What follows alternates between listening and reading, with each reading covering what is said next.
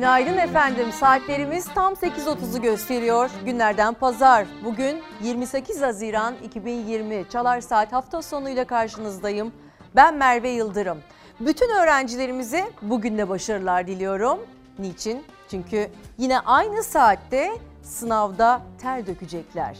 Hepsi için hayırlısı olsun diyelim. Bugün daha uzun bir sokağa çıkma kısıtlaması söz konusu. 18.30'a dek evlerimizdeyiz. Onların daha rahat sınava girebilmeleri ve enerjilerini tamamen oraya fokuslamaları için tabii ki velilere ve ailelere burada çok önemli bir e, görev düşüyor. Sosyal mesafe kuralları dün de ihlal edildi ne yazık ki. Bugün en azından dikkat etmeye gayret edelim. E, sınav salonlarında da tüm öğrencilerimize sakin olmalarını öneriyorum. Merve İldirim TV, Twitter ve Instagram'dan yazmaya başlayabilirsiniz. Haberlere ilişkin yorumlarınızı, sesinizi duyurmak istediğiniz her ne varsa ve tabii ki bana kalırsa dediğiniz ne varsa bizlerle buluşturabilirsiniz. Güne bana kalırsa diyerek başlıyoruz. Görüşürüz o zaman. Sizin mesajlarınıza bol bol yer, e, yer vereceğiz efendim. Gündemimiz oldukça yoğun ama güne tabii ki en acı haberle başlayacağız bugün de. E, dün sabah sizlerle bunu bir e, son dakika olarak paylaşmıştık. Biliyorsunuz ki Türk Silahlı Kuvvetleri'nin devam ettiği Pençe Kaplan operasyonunda dün maalesef bir şehit haberi daha paylaştık. Piyade Teğmen Yunus Gül vatan toprağına emanet edildi. Bismillahirrahmanirrahim. Pençe Kaplan operasyonundan geldi acı haber. Teröristlerle çıkan çatışmada piyade teğmen Yunus Gül şehit oldu. Piyade Teğmen Yunus Gül, Tekirdağ'da görevliyken Pençe Kaplan Harekatı'na katılmak üzere Irak'ın kuzeyine gitti. Haftanine başlatılan operasyonda teröristlerle sıcak temas sağlandı. Çatışmada 29 yaşındaki Teğmen Yunus Gül şehit oldu. Teğmen'in şehadet haberi memleketi Adıyaman'da yaşayan ailesini yasa boğdu. Kahraman şehit Teğmen Yunus Gül evliydi. İki aylık bir bebeği vardı. Hülya Gül kucağında bebeğiyle uğurladı şehit eşini. Gururluydu. Acısını kalbine gömdü. Ağlamadı. Baba sonra avuktu bir şey dedi biz görmedik. O gördü biz görmedik. Piyade Teğmen Yunus Gül Yeni Mezarlık Camisi'nde kılınan cenaze namazının ardından dualarla götürüldüğü şehitlikte toprağa verildi. Silah arkadaşları şehidin kanını yerde bırakmadı. 9 terörist daha Pençe Kaplan operasyonunda etkisiz hale getirildi. Tekrar başımız sağ olsun. Geride kalanlara, ailelerine sabırlar diliyoruz. Özellikle minicik bir bebeği var. Ee, ne yazık ki o askerimiz e, bebeğine doyamadan ve bebeği de ona doyamadan bu hayattan terör belası yüzünden e, ayrıldı. Şimdi efendim hava durumuna bakalım istiyoruz. Öncelikle sizi bizim manzaramızla buluşturacağız. Her sabah olduğu gibi e, Kazlı Çeşme, Zeytinburnu Kazlı Çeşme mevkiindeyiz. Oldukça güzel bir hava var. Dün de böyleydi. pırıl pırıl bir deniz. Bugün sokağa çıkma yasağına erkenden uymaya başladı anladığımız kadarıyla herkes. Çünkü dün bu saatlerde birkaç kişiyi görmüştü kameralarımız. Bugün e, kimseyi görmüyoruz. 9'da başlayacak olan sokağa çıkma kısıtlaması tam 18.30'a kadar devam edecek. Havalar güzel, deniz ve yaz tatili sezonu açıldı. Tabii ki bununla beraber bir uyarıda bulunmamız gerekiyor. Lütfen denize girecek olanlar dikkat. Yüzme dahi bilseniz lütfen kontrol altında tutmaya çalışınız kendinizi. Çünkü can kurtaranlar öyle e, çalışıyorlar ki e, aslında sürekli gözleri denizde ve sürekli birilerini kurtarmak durumunda kalıyorlar. E, hava durumuna göz atarken sahillerde yaşanan hareketliliği de sizlerle paylaşmak istiyoruz. Tamam. Götürün. Buralara git. Can kurtaranlar çırpındıklarını görüp koştu. Dalgaların arasından çekip çıkardı onları. Aynı aileden 3 kişi Karadeniz'in hırçın sularında boğulmaktan son anda kurtarıldı. Çocukların hepsi çok iyi abi. Hepsi arkanda. Hiçbirinde bir sıkıntı yok tamam mı? Sen sakin ol. Isınan havayla birlikte virüs tehlikesine rağmen sahiller serinlemek isteyenlerle dolup taşıyor. Giresun'da da bir baba kızı ve yeğeniyle serinlemek için Teyyare Düzü mevkiindeki plaja gitti. Deniz üçünün de mücadele edemeyeceği kadar dalgalıydı. Çırpınmaya başladıkları anda can kurtaranlar tehlikeyi görüp denize atladı. Kuma yatırılan baba, kızı ve yeğeni neyse ki hayatta ve sağlık durumları iyiydi. Yaşadıkları korku dolu anlar denizlerdeki tehlikeyi bir kez daha gözler önüne serdi. Üç tane hastam var. Hepsinin nabzı var. Ne yazık ki boğulma haberleri sıcaklıkların artışıyla daha da artıyor. Meteorolojinin haftalık tahminlerine göre önümüzdeki birkaç gün sıcaklıklarda önemli bir değişiklik olmayacak. Karadeniz bölgesi bugün de sağanak yağmurlu. Yağmur hafta başında hafifleyecek. Hafta ortasında Karadeniz'de yitirdiği etkisini Doğu Anadolu'da sürdürecek. Güneydoğu Anadolu, Ege ve Akdeniz ise pazar gününü 40 dereceye yaklaşan ancak daha fazla hissedilen sıcaklıklarla geçirecek. Sıcaklığın en yüksek olduğu iller 39 dereceyle Şanlıurfa, 38 dereceyle Aydın, Denizli ve Antalya olacak. Bu arada yasaklar 9.30 itibariyle başlıyor. 18.30'a dek devam edecek. Bir kez daha tekrarlamış olalım ve gazetelerimiz gelsin. Güne birlikte başlıyoruz efendim. En başta akşam gazetesinden bir detay. Virüse düğün bayram. Yasağa rağmen özellikle Güneydoğu'da devam eden kaçak düğünler salgının yayılımını artırıyor diyor Akşam gazetesi. 1 Temmuz'u beklemediler. 16 Mart'ta düğünlerin yasaklanmasından sonra 15 Haziran itibariyle nikahlar 1 Temmuz itibariyle de düğünler kurallar çerçevesinde serbest bırakıldı. Ancak Doğu ve Güneydoğu'da düğünler gizli gizli devam etti. Düğün Salonları Sendikası Genel Başkan Yardımcısı Murat Kaçar, bu düğünlerin yerleri belli değil, maske, sosyal mesafe uygulanmıyor, kaçak düğünler yüzünden vaka sayıları artacak. Tabii ki pek çok çiftimizin e, mutluluğuna biraz olsun gölge düştü. Düğünlerin iptal olmasıyla birlikte planlar alt üst oldu ama hiçbir şey sağlığımızdan daha değerli değil. E, düğünler, düğünlerde biliyorsunuz ki pek çok kısıtlamalar e, uygulamaya kondu. Örneğin gelin ve damat dışında halay çekilmemesi, takım erasiminin olmaması ve fotoğraf çekiminin yasaklanması gibi belki de bu dönemde düğün yapmamak en mantıklısıdır. Ancak bir yandan da dün benimle e, paylaşılan bir mesajı da sizler sizlere okumak istiyorum. Özellikle düğün e, sezonu olduğu için ve bu sektörden pek çok aile, pek çok e, çalışan evine ekmek götürdüğü için ekonomik sıkıntı yaşayanlar da var. Onlardan biri dün bana ulaştı. Hemen paylaşıyorum sizinle. Müzisyenler, e, yazanlar e, aylardır düğün yok ve şimdi de düğünler 1 Temmuz'da açılacak denildi. E, genelgeyi herkes farklı yorumluyor diyor. Çok zor durumda olduklarını söylüyor müzisyenler. Tabii ki onlar için konserlerin iptal olması, düğün ve eğlence mekan, düğünlerin olmaması, eğlence mekanlarının kapalı olması büyük sıkıntı. Onlar gibi tabii ki e, eğlence yerlerinde çalışan, düğün salonu sahipleri ve düğün salonlarında mesleğini icra eden pek çok vatandaş için zor bir süreç. Onların da buradan sesini bir kez daha duyurmuş olalım. Gün boyu gazetesinden de yine bir e, koronavirüs tablosu. Vaka sayısı artarsa ikinci piki yaşarız. Dün yapılan önemli bir açıklamaydı. Sağlık Bakanlığı Koronavirüs Bilim Kurulu üyesi Özkan günlük vaka sayılarına ilişkin 1500'lü rakamlara geldik. Eğer rakam ilerlerse bulaşıcılık artarsa ikinci pik yaşarız dedi. Çok ciddi bir uyarı. 52 ilde maskenin şart olduğunu vurguladı.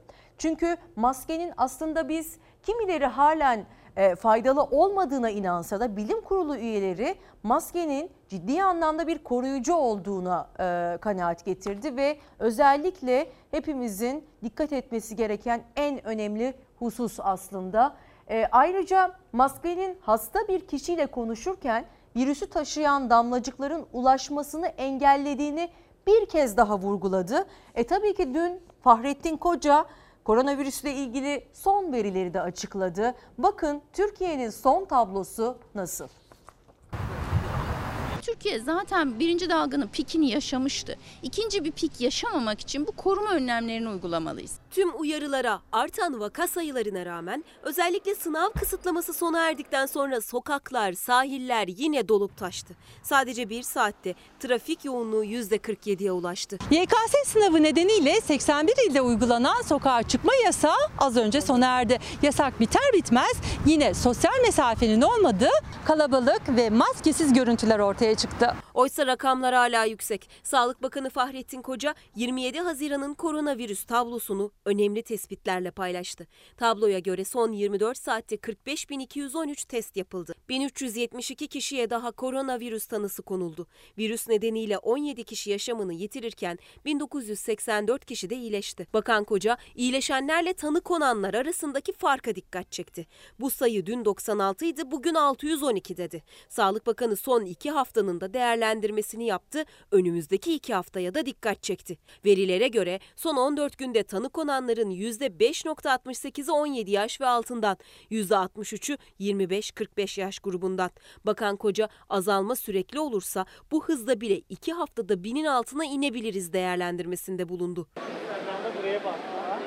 İlk vaka görüldükten bir ay sonra 11 Nisan'da 5138 ile zirveyi görmüştü günlük koronavirüs vakası sayısı. Günlerdir yeniden yükselişe geçince Bilim Kurulu üyesi Profesör Doktor Seçil Özkan'dan ikinci zirveye dikkat uyarısı geldi. Şu anda Türkiye'de de görüyoruz ki rakamlarımızda, hasta sayılarımızda bir artış var. Bütün temaslar açık birbirine ve kendimizi korursak aynı zamanda kendimizle temas eden diğer insanlarda koruyacağımız unutulmamalı. Enfeksiyon Hastalıkları Derneği Başkanı Profesör Doktor Mehmet Ceyhan'a göre entübe sayısının düşmesi için özellikle 65 yaş üstünün çok daha iyi korunması gerekiyor. Saat kısıtlaması olmaksızın dolaşabilecekleri alanlar belirleyip güvenli bölgeler oluşturup oralarda yürüyüş yapmaları ve hava almaları sağlanabilir. Güvenli bölge önerisinin yanı sıra 65 yaş üstünün riskli alanlara da belirli günlerde girebilecekleri bir düzenleme yapılmalı Profesör Ceyhan'a göre. Banka, vergi dairesi, işte kuaför, berber gibi yerlerde haftanın bir günü sadece bunlara hizmet verilmesi sağlanabilir. Bu grubu koruyabilirsek en azından bu yoğun bakım solunum cihazı ihtiyacı olan ve ölenlerin sayısındaki artışı durdurabiliriz. Lütfen sosyal mesafeye dikkat edelim.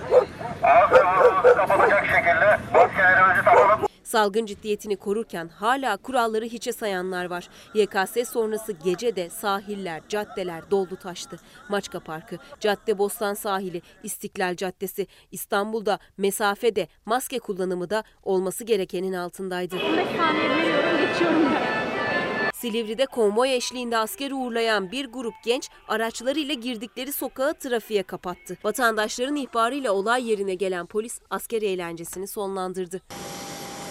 Rusya'da koronavirüse yakalanan iki Türk vatandaşı da ambulans uçakla Türkiye'ye getirildi. Bursa Yenişehir Havalimanı'na getirilen iki Türk vatandaşı Bursa Şehir Hastanesi'nde tedaviye alındı.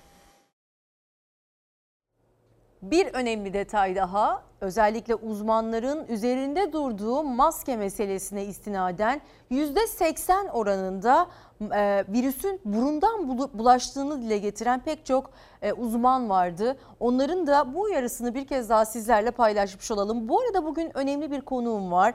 Uzman doktor Demet Erciyes, koruyucu tıp uzmanı bizimle hem birikimlerini paylaşacak hem koronavirüs çerçevesinde anlatacakları var. Kaçırmayınız ikinci blokta onunla harika bir sohbet gerçekleştireceğiz efendim diyerek şimdi tekrar gazetelerimize dönmek istiyoruz. Bir gün gazetesinden iki ayrı sınav, iki ayrı manzara başlığı. Salgın nedeniyle önce ertelenen ardından tekrar Haziran ayında yapılacağı ilan edilen Yüksek Öğretim Kurumları sınavının yani YKS'nin ilk oturumu gerçekleştirildi.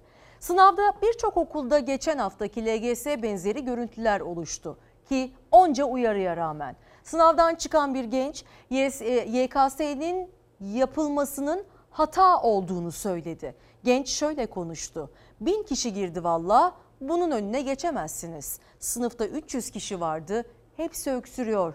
Bence koronanın önüne böyle geçilmez dedi. İşte Z kuşağı akıllı bir öğrencinin aktardıkları açık sözlü biliyorsunuz ki Z kuşağı hiçbir şekilde kimseden bir çekincesi olmayan gruptan, yeni nesilden, genç nesilden bahsediyoruz.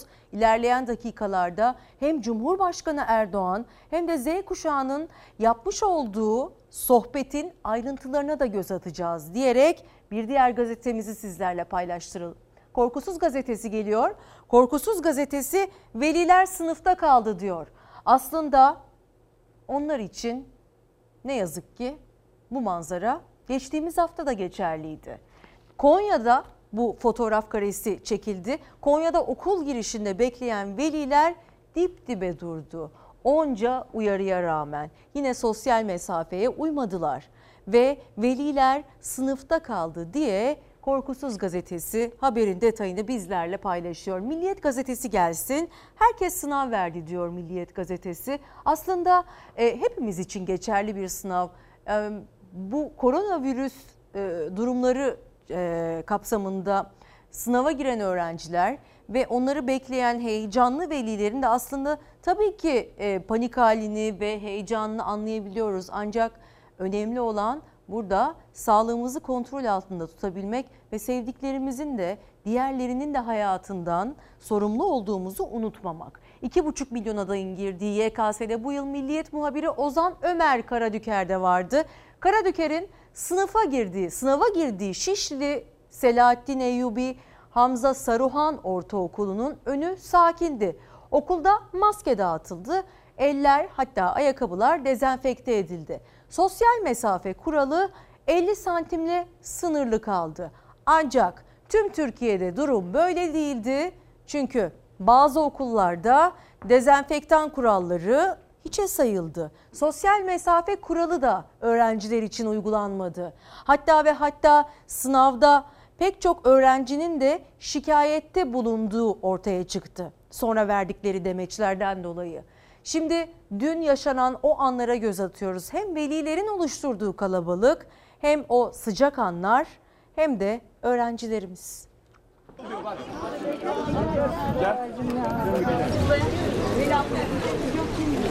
İnsanlar çok haddinden fazla iç içe. Zaten sınıfımda asla sosyal mesafe yoktu. Önümdeki öğrenciyle o kadar yakın haldeydik ki bütün sınıfın geneli öyleydi. Uyarılar yapılmıştı, hazırlıklar tamam denilmişti ama dışarıda veliler, içeride ise öğrenciler sosyal mesafe kuralına uymakta zorlandı. LGS'de olduğu gibi üniversite sınavında da kalabalıklar bir aradaydı. Salgın döneminin en geniş katılımlı sınavı YKS'di. İlk oturum bu görüntülerle geride kaldı. Bir tane görevli yok. Yani kolluk kuvvetinden veya zabıtadan. ÖSYM Başkanı 2 milyon 433 bin adayın girdiği sınav için sorunsuz tamamlandı dese de okul önlerindeki kalabalık yine endişe vericiydi. Adaylar sınavdayken aslında Sağlık Bakanı uyulması gereken kurallar konusunda aileleri de uyarmıştı. Okul önlerinde yığılma olmasın demişti ama yine o istenmeyen görüntüler yaşandı sosyal mesafe kuralına adaylar sınavdayken riayet edilmedi. Sosyal mesafe uyarısı vardı okul önlerinde beklemeyin diye. O kurala uyabiliyor musunuz? İmkan yok uyuma mecbur bekleyeceğiz çocuklarımızı. Bizde de heyecan var. Sınav saat 10.15'te başladı. Kapılarsa sınavdan 15 dakika önce kapatıldı. Son dakika çocuğuna kimliğini yetiştiren bir anne gözyaşlarını tutamadı. Allah'ım sana şükür. Polisler de üniversite adaylarına yardım mesaisindeydi. Yanlış okula gelmiş arkadaş. Ben de vicdanım el vermedi. Yetiştirmeye çalıştım. Arkadaşım bir yıla eve almasın dedim.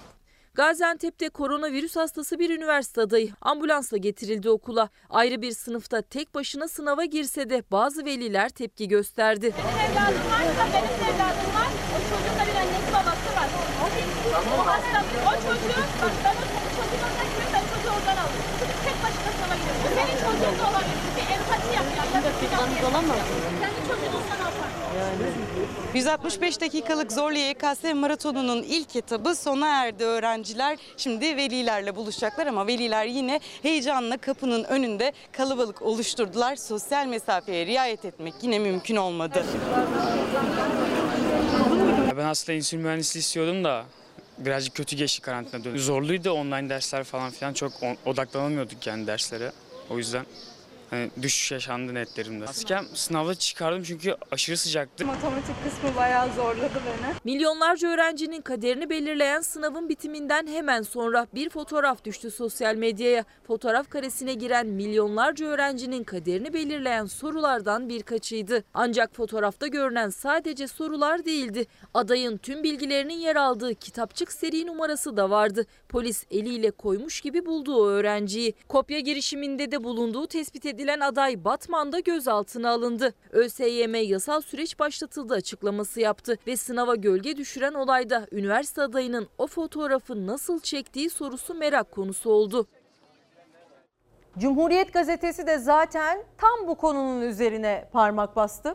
Aslında minik bir haber olarak görüyoruz ama telefon sokmanın yasak olduğu sınavda kitapçıktan çekilen fotoğraflar soru çözme uygulamasında da uygulamasında da e, yüklendi. Öğrenciler isyan etti. ÖSYM sorumlu kişi hakkında yasal sürecin başlatıldığını açıkladı. Aslında e, burada sorumlu olan kişi tabii ki e, öğrenci bilemiyoruz onu ama sınava telefon yasak e, yasaksa sınavda telefonla girmek niçin telefon kontrolü yapılmadı? Burada da sanki bir ihmalkarlık var gibi e, görüntü söz konusu efendim.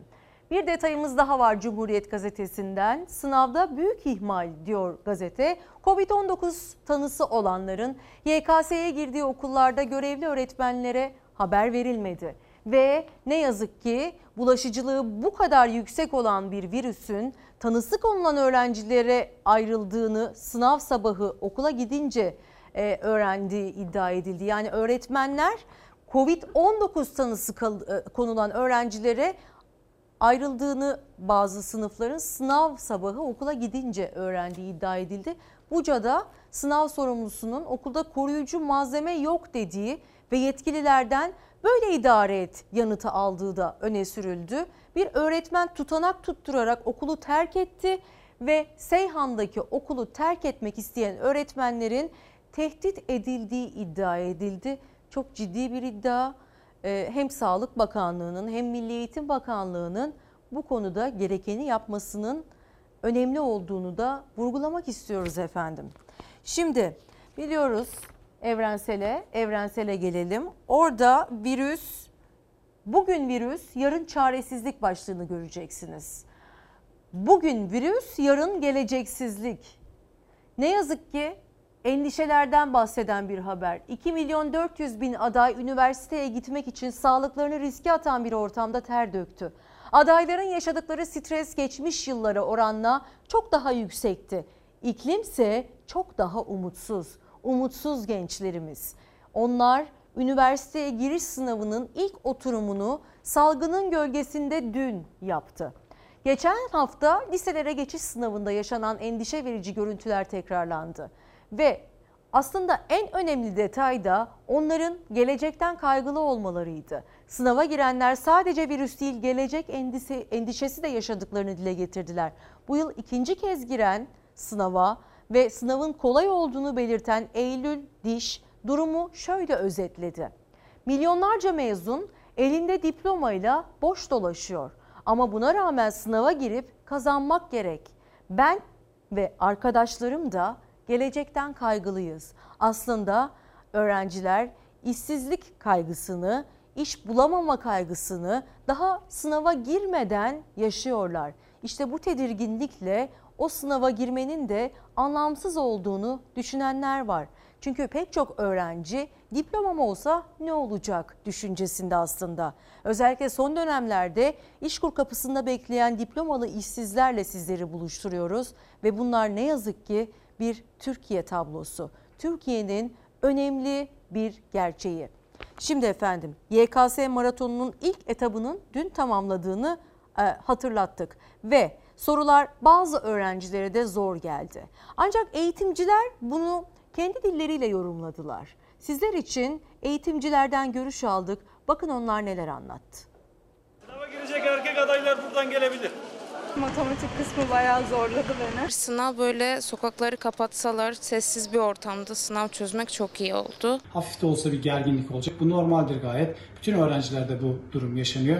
Bir yanda aylardır hatta yıllardır hazırlandıkları üniversite sınavı, diğer yanda koronavirüs korkusu. 2020 yılının üniversite adayları zorlu maratonun ilk etabını dün atlattı. Kimisi zordu diye çıktı sınavdan, kimininse derdi sosyal mesafeyi koruyup koruyamadıydı. Ben zorlandım. Ben çok zorlandım hatta. Ben sırayı çekebildiğim kadar çektim ki hani uzak durayım. Eğitim uzmanı Mustafa Yazıcıoğlu sınavı değerlendirdi. Sorular hayatın içindendi dedi. Öğrencilerin ilk serzenişi ise Türkçe oldu. İlk e, şaşırdıkları nokta Türkçe sorularıydı. Daha öncesi e, paragraf soruları biraz daha uzundu tamam dediler ama bu sorularda paragraf soruları kısaydı fakat şıklara bakıldığında iki şık birbirini çok cevap olarak birbirine çok yakındı. Bu nedenle şıklar arasında git gel e, yaşadık. İçeriklerde felsefeyi andıran içerikler vardı, kavramlar vardı. Gündelik hayat sanatçılardan e, paragrafta metinler vardı, değerlendirmeler, bilgiler vardı. Adaylar tarih, coğrafya, felsefe ve din kültürü bölümünde de yoruma dayalı sorularla karşılaştı çoğunlukla. Bu sınav biraz daha YGS'yi eski sınav sistemini andırıyor. Matematikte de salt bilgi yerine hayatın içinden soru örnekleriyle karşılaştıklarını belirtti Yazıcıoğlu. Problem çözebilmen, çözebilen, problem yeteneği olan öğrenciler bir tık daha öne geçmiş oldular. Biraz gergindi ama güzel geçti. Heyecan var mıydı? Yani biraz. Zor muydu sorular? Sosyal biraz zordu ama diğer sorular genel olarak kolaydı. Odaklanamadım. Zordu. Bazı sorular kolaydı, bazı sorular zordu. Her zaman gibi ama ben orayı düşünmüyordum açıkçası. Ne düşünüyorsun? Sıcağı, sağlığını. YKS'nin ikinci oturumu ve yabancı dil sınavı bugün yapılacak. 9.30-18.30 arası sokağa çıkma yasağı uygulanacak.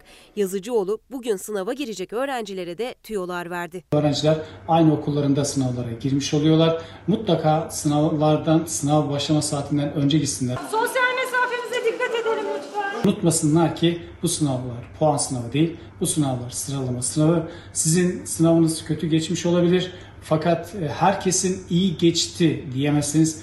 Bu nedenle yarınki sınava yine moral motivasyonu güçlü olarak girmelerinde yarar var. Bir gün gazetesiyle devam ediyoruz. Bir gün gazetesinde gençler gelecek, siz gideceksiniz manşetini görüyoruz. Yok sayıldılar, dinlenmediler, söz sırası onlarda. Gençlerin Erdoğan'a tepkisini değerlendiren uzmanlar AKP'nin Z kuşağı için nefret figürüne dönüştüğünü vurguladı. AKP iktidarının uyguladığı baskıcı politikalardan en çok etkilenen kesim gençler oldu. Son olarak YKS'nin 25-26 Temmuz'dan 27-28 Haziran'a alınmasına yönelik itirazları dile getiren gençler iktidar tarafından dikkate alınmadı. Gençler AKP'li Cumhurbaşkanı Erdoğan'ın önceki gün yaptığı yayında da tepkilerini sürdürdü. Oy moy yok hashtag ile önce yayını kilitleyen gençler daha sonra eylemlerini Twitter'a taşıdı. Konuyu değerlendiren Avrasya Araştırma Başkanı Kemal Özkiraz, gençler için AKP nefret figürü haline geliyor dedi. Sonar Başkanı Hakan Bayrakçı da şöyle konuştu. Hükümetin böyle yasaklamalarla ilerlemesi imkansız. Yazar Evrim Kur'ansa bu kışak en çok adaletsizlik ve eşitsizlikten şikayetçi. Böylesi bir kuşağı didaktik ve otokratik bir şekilde yönetemezsiniz ifadelerini kullandı. O kuşak Z kuşağı oluyor efendim. Cumhurbaşkanı Erdoğan YKS öncesinde YouTube'da gençlerle buluştu ve onlarla e, YouTube üzerinden canlı yayında sınava girecekleri e, günün bir gün öncesinde bir yayın gerçekleşti. Ve yayın bir süre sonra yorumlara kapatıldı. Çünkü Türkiye'de 100 bin beğenmeme hızına ulaşan bir video oldu. Z kuşağı çok tepkiliydi. Salgından dolayı YKS tarihinin ertelenmesini istedik ama bu kabul görünmedi. Acaba sizler mi bizim bakış açımızdan bakamıyorsunuz duruma ya da bizler mi abartıyoruz durumu? Yeni tarih belirsizliğe karşı bir tedbir olarak tespit edilmiştir. Sınav tarihlerinde de bu tarz tedbirli davranışlar kaçınılmaz bir durumdu. Video konferans ekranındaki gençlerin sayısı kısıtlı olsa da 1,5 milyondan fazla genç de sosyal medya üzerinden takip etti o yayını. Yorumlarını da katarak üniversite adayı gençlerin yayın esnasında o yok mesajları Erdoğan'la gençlerin buluşmasını siyasetin konusu yaptı. Z kuşağının kimseye eyvallahı yok, kimseden korkusu yok, oy moy yok, helal olsun. Bak Murat, şu ceketin, elbisenin duruşu iyi değil. Biraz şey yapalım. Öyle mi duracak? Yok. Göbek çıksın. Yok. Şeye yaklaşabilirsiniz. Hasan sen anlıyor musun? Üniversite sınavından bir gün önce Erdoğan YKS'ye girecek gençlerle video konferansta buluştu. O buluşma sosyal medya hesaplarından canlı yayınlandı. Eskiden üniversiteye gitmek değer verilen bir şeydi. Bugün ne yazık ki aynı değeri görmüyor. Üniversite okuduğu ve bitirdiği halde işsiz olan gençlere sizin söyleyeceğiniz şey ve düşünceniz nedir? Bir tarafta sanayide çok ciddi bir tekniker, teknisyen, usta, tarım kesiminde çalışacak insan açığımız var. Diğer tarafta ciddi bir genç işsizlik var. Bu çarpık tabloyu değiştirmemiz gerekiyor. Genç işsizlik oranları ciddi dedi Cumhurbaşkanı. YKS'nin salgın nedeniyle Temmuz ayına ertelenmesi ardından yeniden Haziran ayına çekilmesiyle ilgili de konuştu. Çünkü gençlerin en çok merak ettiği konuydu. Bazılarının bu tarihin turizm sektörünü canlandırmak amacıyla belirlendiğini iddia etmesi tamamıyla spekülasyondur. Erdoğan'ın açıklamaları devam ederken yorumlar kısmına gelen o yok mesajlarının çoğunluğu dikkat çekti. Bir süre sonra Cumhurbaşkanlığı yayını yoruma kapattı. Her şeyden önce ben siyasetçiyim. Gerçeklere gözümü kapatmam söz konusu değil. Bu sesleri duyacağım diyen Erdoğan gençler oy moy yok deyince yorumu kapattı. Seslere kulağınızı kapatsanız da o gençlerin sesi sandıkta patlayacak. Aynı anda video paylaşım sitesindeki yayındaysa dislike yani beğenmeme sayıları beğeni sayısını 3'e katladı. AK Parti'ye yakın isimler ortaya çıkan o tablo bot hesapların organize saldırısı dedi. Oy moy yok. Bu gelinen nokta finali işaret ediyor aslında. Erdoğan'ın gençlerle buluşmasında gençlerin o yok mesajları, beğenmeme butonuna daha fazla basmaları yeni günün en çok konuşulan konularındandı. Z kuşağı 1990'ların ortaları 2010 arası dünyaya gelen kuşaktan bahsediyoruz. Onlar çok iyi teknolojiyi kullanıyorlar. Dijital çağın ortasına başlarında doğdukları için sosyal mesafe e, sosyal meselelere de aslında çok ilgililer. İyi dijitalleşmeye ve dijitalleşmeye tamamen yatırım yapmaya odaklı gençlerden bahsediyoruz ve oldukça açık sözler. Aslında önümüzdeki süreçte kim onların kalbini kazanırsa, kim onların görüş açısını e, benimseyebilirse o siyaset sahnesinde e, üst sıralara çıkacak diye bir manzara var karşımızda. Gazetelerle devam ederken gelelim Yeni Asya gazetesine. Yeni Asya gazetesinde de aslında e, aynı habere istinaden yapılmış bir e, anekdot görüyoruz efendim. Ülke yol ayrımına geldi. Baskı iktidarı güçlendirmez. Son seçimler baskıların ters teptiğini gösteriyor dedi. Baskı ve korkutma ters tepiyor e, manşetiyle karşımıza çıktı. E, gazete Yeni Asya gazetesinde siyaset bilimci doçent doktor Burak Job AKP ciddi bir kan kaybı yaşıyor. Önce 31 Mart'ta sonra 23 Haziran'da yoğun baskılar işe yaramadı. Elinizde kalan yegane araç çekiçse her yerde çivi görürsünüz. İktidarın başvurabileceği tek ergüman beka ve son seçimler bunun işe yaramadığını gösterdi. Ama hala güvenlikli söylemler kullanılıyor. Güvenlikçi söylemler kullanılıyor. Rejimin ekonomik ve toplumsal krize çözüm üretme kapasitesi yok diye sözlerine devam etti.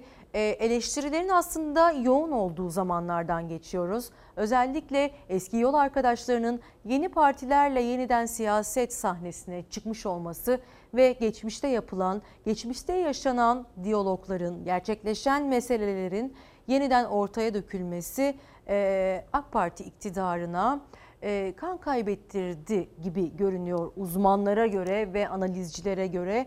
Ancak siyasette hiçbir şey e, her zaman e, hiçbir zaman net olmuyor diye de bir gerçek var. Ancak e, 1990'ların ortaları ve 2010'a kadar doğmuş olan Z kuşağı gençleri biraz zorlayacak gibi tüm partileri. En azından bunu net olarak söyleyebiliriz. Bu arada Sayın Cumhurbaşkanı Erdoğan e, Kuzey Kıbrıs Türkiye Cumhuriyeti Başbakanı Ali Tatar'la bir görüşme gerçekleştirdi. Bir telefon görüşmesiydi bu ve açıklamada ikili ilişkiler, Covid-19'la mücadelede işbirliği adımları ve Türkiye ile Kuzey Kıbrıs Türk Cumhuriyeti arasında 1 Temmuz'dan itibaren gerçekleşecek uçuşlara ilişkin konular değerlendirildi. Aslında uçuşlarla alakalı bir de Avrupa Birliği'nden haber aldık. Çin'e kapılarını açan Avrupa halen Türkiye kapılarını açmadı. Bu da aslında dikkat çekici bir detaydı paylaşmış olalım. Sırada Cumhurbaşkanlığı Yüksek İstişare Kurulu üyesi Bülent Arınç'ın Haber Global televizyonunda söylediği sözlerin tartışması var. Yankıları bugün de devam ediyor aslında. Sayın Cumhurbaşkanımız Milliyetçi Hareket Partisi ile olan ittifaka çok önem veriyor. O yüzden içimizden ne düşünürsek düşünelim bunu dışarıda söylemek imkanından mahrumuz. Cumhurbaşkanı üzülüyor. Onun için içimde kalsın. Yani demek istiyor ki aynı düşüncedeyim. Cumhurbaşkanının sırtına bir kambur varsa Bülent Arınç o kambur sensin. FETÖ'cü müsünüz? Değil. Bu bana yapılabilecek en kötü bir iftira olur. AK Parti MHP ittifakından FETÖ fena halde rahatsız. Cumhur İttifakı FETÖ'nün korkulu rüyası. Bay Arınç FETÖ kimden rahatsızsa ondan rahatsız. Siyaset Bülent Arınç'ın açıklamalarını konuşuyor ama en çok da MHP ve AK Parti. Daha önce MHP AK Parti'ye oy kaybettirdi diyen Arınç bu kez MHP sorusuna içimizden geçeni söyleme imkanımız yok. Çünkü Cumhurbaşkanı'nın talimatı var dedi. MHP Ordu Milletvekili Cemal Engin Yurt sosyal medya hesabından bir video ile Arınç'a yüklendi. MHP'liler hiç kimsenin sırtında kambur olmamıştır. Onurlu, şerefli bir harekettir ülkücü hareket. Sana hakkımızı helal etmiyoruz. Yazıklar olsun sana. Sayın Erdoğan'ın yanında mısınız yoksa karşısında mısınız? Karşısında değilim. Ne kadar yanındaysam o kadar yanındayım. Sayın Cumhurbaşkanımız eğer başımızda olmasaydı biz başarılı olamazdık. Biz de olmasaydık o da eksik kalırdı. Sen yoksun yanında da başarısız mı? Sen var mıydın 24 Haziran'da? 24 Haziran'da kim vardı? Milliyetçi Hareket Partisi vardı. Bülent Arınç'ın Cumhurbaşkanlığı Yüksek İstişare Kurulu üyesi olarak bulunması devlet için bir zul, millet için bir yüktür. 15 Temmuz'da canını ortaya koyan milletimizin yiğit evlatlarının dileği artık gereğinin yapılmasıdır. AK Parti eski milletvekili Mehmet Metiner de Arınç'a öfkesini dile getirdi. Her cümlesinde Bülent Arınç'a FETÖ suçlaması yöneltti. FETÖ ile ölümüne mücadele ettiği süreçte reisin nasıl karşısında olduğunu gördük. Car car car konuşan bir eski milletvekili var. Bugün en çok bağıranlar zamanında en çok onunla içli dışlı olanlardır. Sadece üzerlerine gelmesinler diye daha çok bağırıyorlar. Hünerleri bu. Bülent Arınç'a göre MHP AK Parti'nin sırtında bir yük. Asıl AK Parti'mizin ve reisimizin sırtındaki yük sensin. Fitne bas takiyeci. Arınç kendisine yönelik tepkilere henüz yanıt vermedi. Sizden gelen mesajlara yer vermek istiyorum. Bana kalırsa diyerek güne başladık. Bana kalırsa hayatta en güzel olanlar emek vererek ürettiğin ve yetiştirdiğin varlıkların güzelliğini görmek ve izlemektir diyor izleyicilerimizden biri. Üretelim ve üretene destek olalım diyor izleyicilerimizden Derya Bey. Efendim bir de Yılmaz Bey var. Yılmaz Bey diyor ki bana kalırsa toplu taşıma araçlarındaki karşılıklı koltuklar kaldırılmalı virüsün bulaşması noktasında bunun da ciddi bir risk taşıdığını düşünüyorum diyor. Kesinlikle katılıyorum size. Ve Özdemir Bey bana kalırsa kargo şirketlerinde taşıma limiti getirilmeli. Covid-19 nedeniyle verilen siparişler kargolar ve kargo şirketlerinde 5 katına çıktı. Fakat çoğu kargo şirketi önlem almakta sınıfta kaldı. Evet kargo şirketleri Covid-19 salgınının ilk anından itibaren en çok çalışan meslek grubu ve orada çalışanlar hiç ara vermeden e, resmi tatil günlerinde ve hatta sokağa çıkma yasaklarında dahi e, çalışmak durumundaydılar. Tabii ki bizler de evden çıkamadığımız için her şeyi internetten sipariş ettik ama onların cephesinden baktığımızda onların da zor zamanlar geçirdiklerini mutlaka söylememiz gerektiğini düşünüyorum. Ve Nadiye Yeşiltaş ne kadar güzel bir isim. Bizim vatandaşlarımız maskeyi ellerinde ve kollarında aksesuar olarak taşıyorlar galiba diyor. Evet bu da aslında yasakların gelmesiyle birlikte yanımızda maske taşımanın ama bunu e, maskeyi yüzümüze, ağzımıza, burnumuza kapatmadan taşımanın e, bir gelenek haline dönüştüğünü de söyleyebiliriz. Maskelerimizi takmak zorundayız kendi sağlığımız için olmasa bile eğer kendimizi düşünmüyorsak bile yanımızdakileri düşünmemiz gerekiyor. Sevdiklerimizin hayatından da sorumluyuz.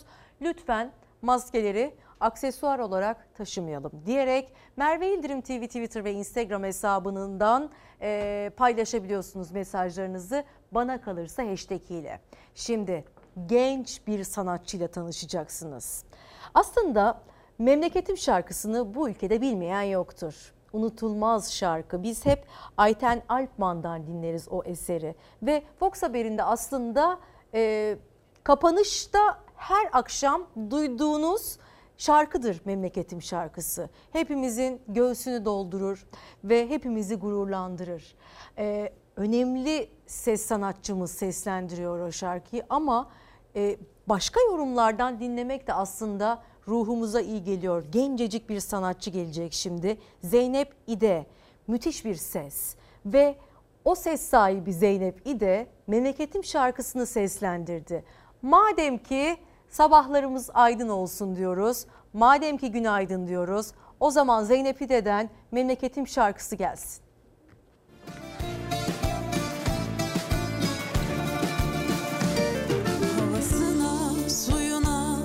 Taşına, toprağına. Bin can feda bir tek dostuma. Her köşesi cennetim Ezilir yanar içim. Bir başkadır benim memleketim.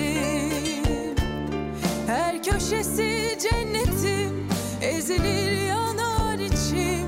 Bir başkadır benim memleketim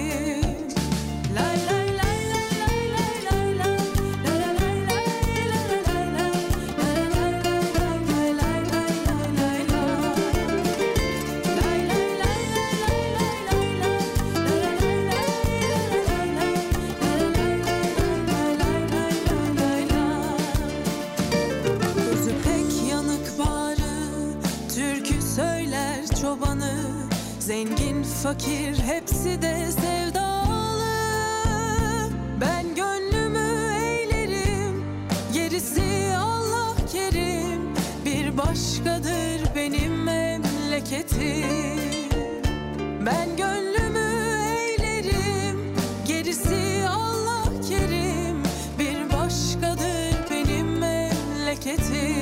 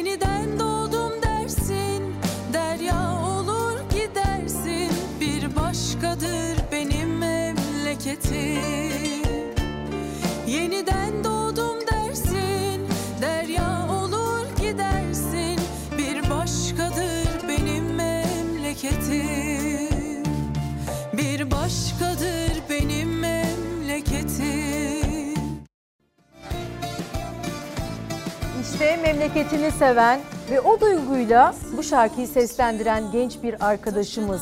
Bugün sınava girecek genç arkadaşlarımıza da e, başarılar dilerken Zeynep İde'nin Memleketim şarkısını seslendirdiği bu güzel sesi sizlerle buluşturmak istedik efendim. Saatlerimiz 9.12'yi gösteriyor. Biz bugün bir okuldan daha sizlerle birlikte olacağız. Orada Derya Özcan bizi bekliyor, muhabir arkadaşımız. Ayrıca çok önemli bir uzmanımızı ağırlayacağız bugün. Ee, kendisi bize önemli tavsiyelerde bulunacak. E, doktor Demet Erciyes, uzman doktor Demet Erciyes, koruyucu tıp uzmanı. Kendimizi nasıl korumamız gerektiğini iyice öğrenmemiz gerekiyor. Evet kimilerimiz özellikle vitamin takviyeleri alıyoruz ama bunun da dozunu ayarlamak çok önemli. En başta nasıl beslenmemiz gerektiğine de e, dikkat çekmek istiyoruz. Bize e, sevgili doktor, uzman doktor e, tüm bu tavsiyeleri verecek aslında bugün. Şimdi bir kahve molası veriyoruz. Çaylarımızı ve kahvelerimizi yaptıktan sonra burada buluşuyoruz. Özellikle ekonomi gündemiyle alakalı çok konuşacağımız başlık var ve bunun dışında da gündemin sıcak maddelerini sizlerle paylaşıyor olacağız. Yeniden birlikteyiz efendim. Saatlerimiz 9.28'i gösteriyor. Günlerden pazar ve tarih 28 Haziran 2020. Bugün güne bana kalırsa diyerek başladık. Hashtagimiz bana kalırsa Merve İldirim TV, Twitter ve Instagram'dan pek çok mesaj ulaştırdınız. Sizlerden gelen mesajlara yer yer, zaman zaman yer vermeye gayret edeceğiz. Bu blokta özellikle önemli bir uzmanımızı ağırlayacağız. Bize nasıl korunmamız gerektiğini, nasıl beslenmemiz, hangi vitamin takviyelerini, hangi oranda almamız gerektiğini özellikle tane tane anlatacak. Pazar günü bizi kırpmayıp geldiği için şimdiden teşekkür etmemiz gerekiyor ona. Çünkü söyleyecekleri gerçekten çok önemli. Ee, şimdi biliyorsunuz ki dün sabah burada e, Ankara Baro Başkanı'nı ağırladık ve yankıları halen devam ediyor. Barolar özellikle birkaç haftadan beri e, çoklu baro sistemiyle alakalı eylemler, protestolar gerçekleştiriyor ki siyasetin de aslında önemli gündem maddelerinden biri. En başta Cumhuriyet Gazetesi'nden bir duyuru yapmak istiyoruz. Cumhuriyet Gazetesi geliyor mu Hilal'cim? Evet. 50 bin avukata 50 bin avukatla Çağlayan'a Mehmet Durakoğlu'ndan çağrı İstanbul Baro Başkanı. Baroların seçim sistemini değiştirmeye yönelik girişime karşı yapılan savunma yürüyüşünün ardından 30 Haziran'da Çağlayan Adliyesi'nin önünde savunma mitingi düzenlenecek. Tüm avukatlara çağrı yapan İstanbul Barosu Başkanı Durakoğlu beni bağışlayın ama bu kez gelmeye mecbursunuz 50 bin avukat olmalıyız dedi ve sosyal medyada özellikle avukatlar baro başkanlarının atmış olduğu tweetlerle çok hareketliydi dün. E, o tweetlerden biri aslında o duyurunun yapıldığı tweetti. E, hukukçular e, ciddi anlamda bu konunun çok üzerinde duruyorlar. Çünkü çarşamba günü 1 Temmuz itibariyle mecliste olacak yasa tasarısı ve bunun meclise gitmemesi için aslında protestolara devam ediyorlar. Ee, sevgili meslektaşım ülkemiz yargısının teslim alınmasına yönelik çok ciddi bir tehdidin arifesindeyiz. İktidar yasa yapma gücünü silaha dönüştürüyor. Hukuksuz, hukuksuzluğun yasa gücüyle meşrulaştırılmasına izin veremeyiz. Biz avukatız. Bunu anlatabilmemiz gerekiyor. Sizi çocuklarınıza gururla anlatacağınız bir direniş gününe davet ediyorum. 30 Haziran Salı günü saat 12.30'da Çağlayan Adliyesi'nin karşısındaki meydanda savunma mitingi yapıyoruz. Beni bağışlayın ama bu kez gelmeye mecbursunuz. Sevgi ve saygılarımla İstanbul Baro Başkanı Avukat Mehmet Durakoğlu. 12.30'da 30 Haziran Salı günü yani yasa taslağının meclise gelmeden bir gün öncesi böyle bir hareketlilik vardı. Ve dün çoklu baro e, tartışması sistemi devam ederken Ankara Baro Başkanı Erinç Sağkan konuğumuzdu. Çarpıcı açıklamalar yaptı ve çoklu baro sistemiyle alakalı bu bir FETÖ projesidir dedi. 2011 ve 2014'te tamamen bir FETÖ projesi olarak ortaya konulan çoklu baronun altyapısı şu anda oluşturuluyor. Çoklu baro sistemi için FETÖ vurgusunu özellikle yaptı Ankara Barosu Başkanı Erinç Sakan. 2010 yılı referandumundan sonra da FETÖ çoklu baro istemişti dedi. HSK'yı ele geçirerek yargının iddia makamını ve karar makamı olan her iki ayağını ele geçirmişlerdi. Bir tek ele geçiremedikleri unsur vardı savunma. Onu ele geçirmek için de bu çoklu baroyu öne sürdüler. AK Parti ve MHP'nin üzerinde çalıştığı çoklu baro düzenlemesine karşı muhalefet. Ancak AK Parti içinden önemli bir isim Cumhurbaşkanlığı Yüksek İstişare Kurulu üyesi Bülent Arınç da ses yükseltti. Ankara Barosu'na kayıtlı bir avukatım. Çoklu baro sistemi fevkalade yanlış olur. Çok büyük yaralara yol açabilir. Ortada taslak bile yokken tekli çoklu baro yönetimi kapsamında cepheleşmek yanlış ve sakat bir vehimdir. Çoklu baro sistemi adliyeye fitne, fesat, nifak tohum ekmektir adliyeyi siyasetin boyunduruğuna almaktır. Siyaset çoklu baro düzenlemesini tartışırken Ankara Barosu Başkanı Erinç Sakan da Fox Çalar Saat programında konuştu. Cepheleşme uyarısı yapan Bahçeli'nin ve AK Parti'nin barolar siyasallaştı eleştirisine de yanıt verdi. Bir terör örgütünün baroları susturmak için ürettiği bir proje tekrar rafların arasından çıkartılıp önümüze sunulmuş durumda. Bu gayrimilli ve gayri ahlaki yapı milletimizin tertemiz iradesinden gücünü alan saygın milletvekilleri eliyle değiştirilmelidir. Siyasetçiler bizi siyaset yapmakla suçluyorlar ama Avukatlık Kanunu'nun 76. ve 95. maddeleri yargı bağımsızlığını, insan haklarını korumak savunmak ve bu kavramlara işlerlik kazandırmak görevini yüklemiş. Savunma ve onun örgütlü gücü olan barolarla baro başkanlarına yönelik hukuksuzluğu kınıyoruz. Hukuksuzluğa direnen baro başkanlarımızın yanında olduğumuzu bir kez daha bildiriyoruz. Türkiye Barolar Birliği Yönetim Kurulu gazetelere bu ilanı verdi. Baro başkanlarına yapılan müdahaleyi 27 saatlik bekleyiş eleştirdi. O bekleyiş esnasında Barolar Birliği Başkanı Metin Feyzioğlu başkanlar tarafından protesto edilmişti. ihtiyacımız yok. Gölge etmeyin Sayın Başkanım.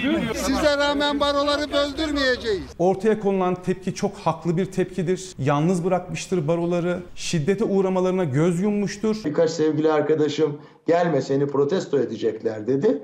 Ben de dedim ki haklarıdır beni protesto etmek. Etsinler. Avukatlık kanunundaki seçim sistemlerinin değişikliğine ilişkin tasarının da mimarlarından birisidir kendisi. Türkiye Barolar Birliği Başkanı Metin Feyzioğlu'nu iktidarla işbirliği yapmakla suçladı Ankara Barosu Başkanı. AK Parti meclise getirir ve çoklu baro düzenlemesi yasalaşırsa Anayasa Mahkemesi'nden döner dedi. Anayasa Mahkemesi süreci mutlaka ki değerlendirilecektir. Üniter devlet ilkesine çok açıkça aykırıdır. Kesinlikle iptal olacak bir düzenleme olduğunu düşünüyorum. Bana kalırsa diyerek güne başladık. Gökhan Bozyiğit, e, niçin kimse ekonomiyi düşünmüyor? Hala çarşı pazar ateş pahası bir şeylere yaklaşılmıyor.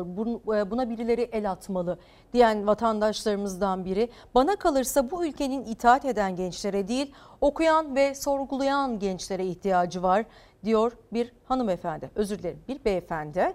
Bu arada e, aslında Z kuşağının da en önemli özelliklerinden biri de sorgulaması ve ses çıkartması. Yani bir önceki kuşağın uzmanlara göre daha çok itaatkar olduğunun üzerinde durulurken Z kuşağında bunun tam tersi olduğunu da söylüyor uzmanlar. Bu da kısa bir anekdot olsun efendim. Yılmaz Bey diyor ki bana kalırsa toplu taşıma araçlarındaki artık koltuklar kaldırılmalı ki az önce bunu başka bir izleyicimiz daha paylaşmıştı.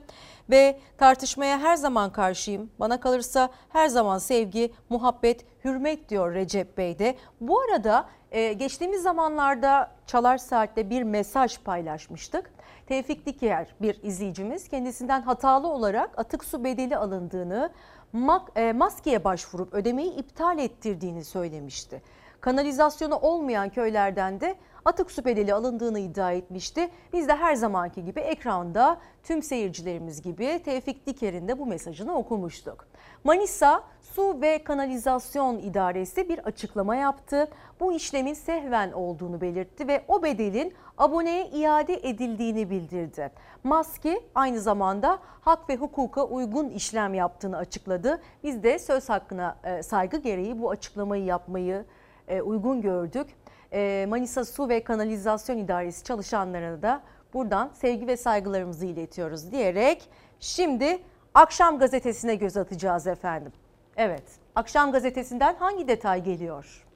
Evet Hilalci, kıdem hakkını insafa bırakmayız diyor. Aslında ekonominin en sıcak başlığı kıdem tazminatı. Erdoğan Ergen ve Çevre Koruma Projesi törenine video konferansla katıldı. Yerli ve milli tünel açma makinesi e, TBM'nin çalıştırılmasıyla tünelde ilk ışık görüldü. Başkan Erdoğan kıdem tazminatında kalıcı sistem kurmayı hedeflediklerini söyledi ve sendikaları uyardı. Her işçimizin kazanılmış hakkını korumak bu ülkenin Cumhurbaşkanı ve kendisi de işçilikten gelen bir ferdi olarak en başta gelen görevimizdir. İşveren işçi sendikaları bu konuyu kendi aralarında halletsin dedik. Ama kabine halletsin diyorsanız art niyet vardır. Bizi işçi ve işveren karşısında zor duruma düşürmek mi istiyorsunuz diye sözlerine devam etti. Ve diğer gazetemiz geliyor. Hangi gazeteydi Hilal? Bir gün gazetesinde de yine kıdem tazminatına ilişkin bir başlık görüyorsunuz. Kıdem tazminatı sorun değil, hak. AKP'li Cumhurbaşkanı Recep Tayyip Erdoğan işçi sınıfının 84 yıllık kazanımı ve hakkı olan kıdem tazminatının bir sorun olduğunu iddia etti. Sendikalara ve patron örgütlerine kızan Erdoğan Niçin kendi aranızda bu işi çözmüyorsunuz? Eğer kabine halletsin diyorsanız burada art niyet vardır dedi. Disk Genel Sekreteri Adnan Serdaroğlu ise sendikalar olarak bu saatten sonra hiçbir tehdide papuç bırakmayız, işçiler de bırakmaz. Kıdem tazminatımıza sonuna kadar sahip çıkacağız diyerek sözlerine devam etti. Evrensel Gazetesi ise konuya kıdemin günahını sendikalara yıktığı başlığıyla yaklaştı. Ee, Erdoğan kıdemi sendikalar halletsin dedi. İşçi lehine ortaklığa hükümet yanaşmıyor. Disk Yönetim Kurulu üyesi Seyit Aslan söyledi bu cümleyi ve sendikaları kendi günahlarına ortak etmeye çalışıyorlar diyerek Sözlerine devam etti. Aslan ayrıca disk e, yönetim kurulu üyesi Seyit Aslan sendikaların işçiler lehine ortak taleplerine hükümetin yanaşmadığını söyledi.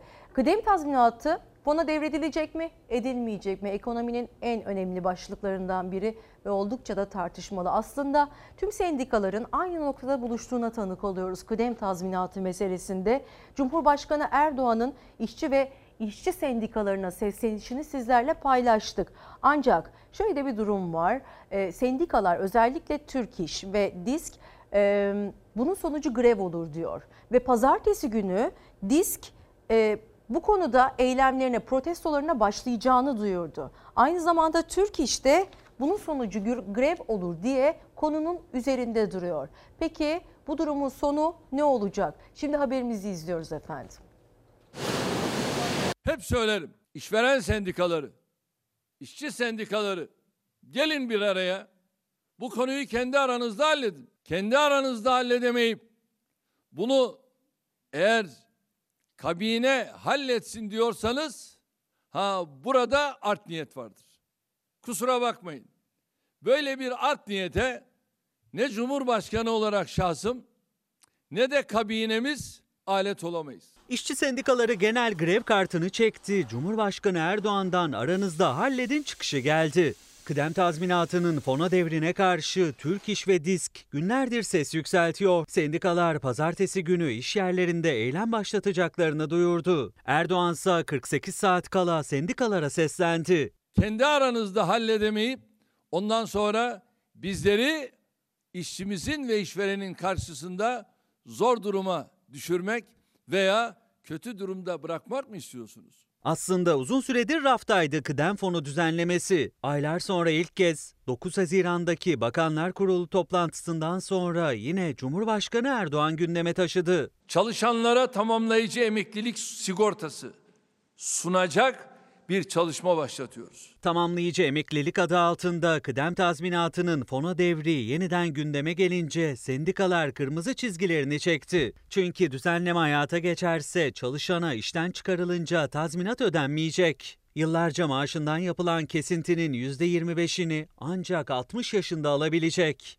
Gerisi de emekli olunca maaşına yansıtılacak. Disk olarak dün söyledik, bugün de söylüyoruz. Kıdem tazminatı kırmızı çizgimizdir. Grevdir, genel grevdir bizim çok keyif aldığımız, mutlu olduğumuz bir şeydir.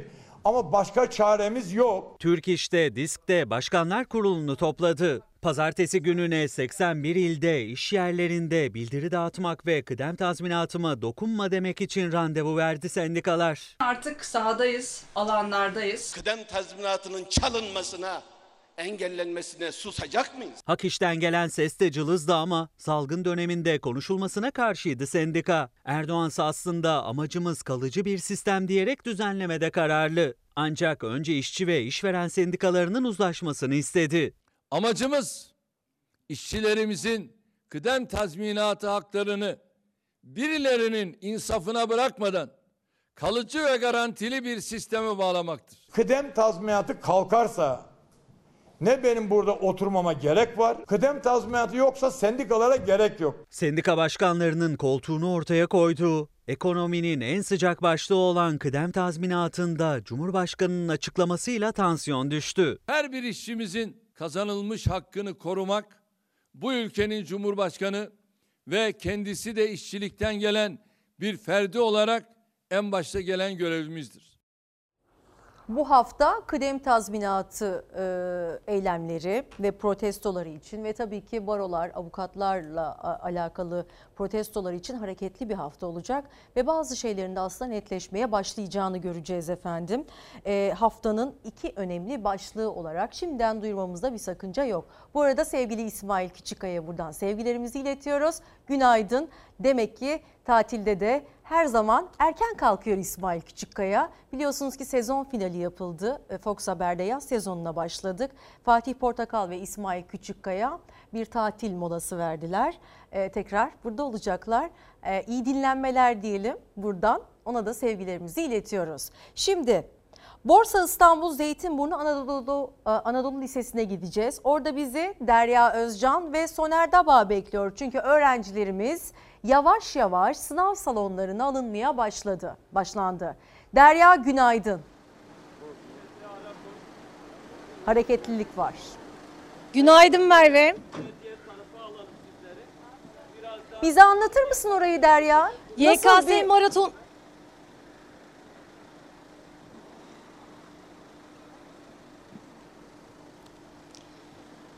YKS maratonunun bugün ikinci oturumu yapılıyor. Dün ilk oturum yapılmıştı. Bugün ikinci ve üçüncü oturumlar yapılacak. Adaylar da artık sınav merkezlerine gelmeye başladılar. Ee, dakikalar kaldı sınava hatta. Ee, saat 10'dan sonra adaylar alınmayacaklar. Biz de şu anda Borsa İstanbul Zeytinburnu Anadolu Lisesi'nin önündeyiz. Ee, çok yoğun bir veli kalabalığı olduğunu söyleyebiliriz. Ee, öğrenciler içeride ter dökmeye başlayacaklar birazdan. Veliler de dışarıda bekliyorlar. Onlar için de uzun bekleyiş başladı. Ee, onlar da çok heyecanlılar. En az öğrenciler kadar heyecanlılar. Ee, yayın öncesinde birkaç veliyle de e, sohbet etme imkanımız oldu. Kendilerine de sorduk. Hatta şimdi de mikrofonu uzatmak istiyorum. Merhaba tekrar. Kolay gelsin. Ee, yok Teşekkür ben ederim. tutarım. He, tamam. Teşekkür ederim. başarılar diliyorum öncelikle. Teşekkür ederiz. Çok sağ olun. Sınava girdiler. Evet oğlum da girdi. Kaç dakika sonra sınav başlıyor. Evet evet başlıyor. İnşallah iyi olur. Siz de heyecanlısınız. Öğrencilere başarılar diliyorum. Evet ben de heyecanlıyım tabii herkes gibi. Ee, iyi olmasını diliyorum. Hazırlanmış mıydı bu süreç? Evet evet hazırlandı. Açı e, Anadolu Lisesi'nde hazırlandı. Gerek EBA'larda falan işte yardım aldık. İyi yani. Peki bu değil. pandemi sürecinde moral motivasyon olarak nasıldı? Evet iyiydi. Bizim desteğimizden de aldığı şeyden dolayı iyi. İyi geçti çok şükür. Hazırlanabildi yani sınava. Evet evet hazırlandı yani elinde, elinde geldiği kadarıyla hazırlandı. İyi olmasını umuyorum yani. İnşallah iyi olur. Tüm, e, Çok teşekkür ediyoruz. Başarılar Ha, diliyoruz. Çok öğrencilerimize sağ başarılar, olun. Hayırlı olsun. Ee, dediğimiz gibi veliler de heyecanlılar. Onların da bekleyişi sürüyor. Ee, sınav sınav başlayacak dakikalar sonra bizim buradan aktaracaklarımız şimdilik bu kadar. Teşekkür Sözü ediyoruz Derya. Özcan ve Soner Daba. Zaten orada bir hareketlilik olursa tekrar size bağlanacağız. Bu arada geç kalan oldu mu bilmiyoruz ama e, tüm öğrencilerimiz için yeniden başarılar diliyoruz. Bu sınavın son aşaması olacak bugün. Değil mi Özgür yanlış hatırlamıyorsam? 18.30'a dek e, bizler evlerimizde olacağız ve öğrenciler e, sınavda ter dökecekler. Hepsi için hayırlısı olsun diliyoruz ki. Ama tabii ki önemli olan onların hayata atıldıktan sonra uygun işlerde mesleklerini icra edebilmeleri ve işsizlik problemiyle karşı karşıya kalmamaları. Çünkü özellikle öğrencilerin okuldan mezun olduktan sonra almış oldukları e, kredi borçları ve burslarla da mücadele etmek zorunda kaldıklarını da söylemek istiyorum. Okuldan borçlu olarak mezun olan öğrencilerimizin sayısı çok yoğun ve onlar e, hayata atılmadan borçlu e, oluyorlar ve sonrasında işsizlik problemiyle karşı karşıya kalınca en ağır darbelerden birini almış oluyorlar. Gelelim koronaya. Koronavirüs gündemimizden asla ve asla çıkmıyor maalesef ama Sağlık Bakanı Fahrettin Koca koronavirüsle alakalı son verileri e, paylaştı. O verilere şimdi yeniden kulak vereceğiz. Uzmanımızı burada ağırlamadan önce sürekli azalma olursa iki haftada binin altına inebiliriz dedi Sağlık Bakanı. Ancak e, 500'ün altına inilmesi öngörülüyordu bilim kurulu üyeleri tarafından Haziran ayında. Bizler 500'ün altına inmeyi bırakın e, 2000'in üzerine çıkmamayı umut ediyoruz. O yüzden lütfen önlemlere dikkat edelim diyerek son tabloyu sizlerle paylaşıyoruz. Türkiye zaten birinci dalganın pikini yaşamıştı. İkinci bir pik yaşamamak için bu koruma önlemlerini uygulamalıyız. Tüm uyarılara, artan vaka sayılarına rağmen özellikle sınav kısıtlaması sona erdikten sonra sokaklar, sahiller yine dolup taştı. Sadece bir saatte trafik yoğunluğu %47'ye ulaştı. YKS sınavı nedeniyle 81 ilde uygulanan sokağa çıkma yasağı az önce sona erdi. Yasak biter bitmez yine sosyal mesafenin olmadığı kalabalık ve maskesiz görüntüler ortaya çıktı. çıktı. Oysa rakamlar hala yüksek. Sağlık Bakanı Fahrettin Koca 27 Haziran'ın koronavirüs tablosunu önemli tespitlerle paylaştı. Tabloya göre son 24 saatte 45.213 test yapıldı. 1372 kişiye daha koronavirüs tanısı konuldu. Virüs nedeniyle 17 kişi yaşamını yitirirken 1984 kişi de iyileşti. Bakan Koca iyileşenlerle tanı konanlar arasındaki farka dikkat çekti. Bu sayı dün 96 idi, bugün 612 dedi. Sağlık Bakanı son iki haftanın da değerlendirmesini yaptı. Önümüzdeki iki haftaya da dikkat çekti. Verilere göre son 14 günde tanı konanların %5.68'i 17 yaş ve altından, %63'ü 25-45 yaş grubundan. Bakan Koca azalma sürekli olursa bu hızda bile iki haftada binin altına inebiliriz değerlendirmesinde bulundu. İlk vaka görüldükten bir ay sonra 11 Nisan'da 5138 ile zirveyi görmüştü günlük koronavirüs vakası sayısı. Günlerdir yeniden yükselişe geçince Bilim Kurulu üyesi Profesör Doktor Seçil Özkan'dan ikinci zirveye dikkat uyarısı geldi. Şu anda Türkiye'de de görüyoruz ki rakamlarımızda, hasta sayılarımızda bir artış var. Bütün temaslar açık birbirine ve kendimizi korursak aynı zamanda kendimizle temas eden diğer insanları da koruyacağımız unutulmamalı. Enfeksiyon Hastalıkları Derneği Başkanı Profesör Doktor Mehmet Ceyhan'a göre entübe sayısının düşmesi için özellikle 65 yaş üstünün çok daha iyi korunması gerekiyor. Saat kısıtlaması olmaksızın dolaşabilecekleri alanlar belirleyip güvenli bölgeler oluşturup oralarda yürüyüş yapmaları ve hava almaları sağlanabilir. Güvenli bölge önerisinin yanı sıra 65 yaş üstünün riskli alanlara da belirli günlerde girebilecekleri bir düzenleme yapılmalı Profesör Ceyhan'a göre. Banka, vergi dairesi, işte e, kuaför, berber gibi yerlerde haftanın bir günü sadece bunlara hizmet verilmesi sağlanabilir. Bu grubu koruyabilirsek en azından bu yoğun bakım solunum cihazı ihtiyacı olan ve ölenlerin sayısındaki artışı durdurabiliriz. Lütfen sosyal mesafeye dikkat edelim. Ağız ve burnumuzu kapatacak şekilde maskelerimizi takalım. Salgın ciddiyetini korurken hala kuralları hiçe sayanlar var. YKS sonrası gece de sahiller, caddeler doldu taştı. Maçka Parkı, Cadde Bostan Sahili, İstiklal Caddesi, İstanbul'da mesafede maske kullanımı da olması gerekenin altındaydı. Silivri'de konvoy eşliğinde askeri uğurlayan bir grup genç araçlarıyla girdikleri sokağı trafiğe kapattı. Vatandaşların ihbarıyla olay yerine gelen polis asker eğlencesini sonlandırdı. Rusya'da koronavirüse yakalanan iki Türk vatandaşı da ambulans uçakla Türkiye'ye getirildi. Bursa Yenişehir Havalimanı'na getirilen iki Türk vatandaşı Bursa Şehir Hastanesi'nde tedaviye alındı.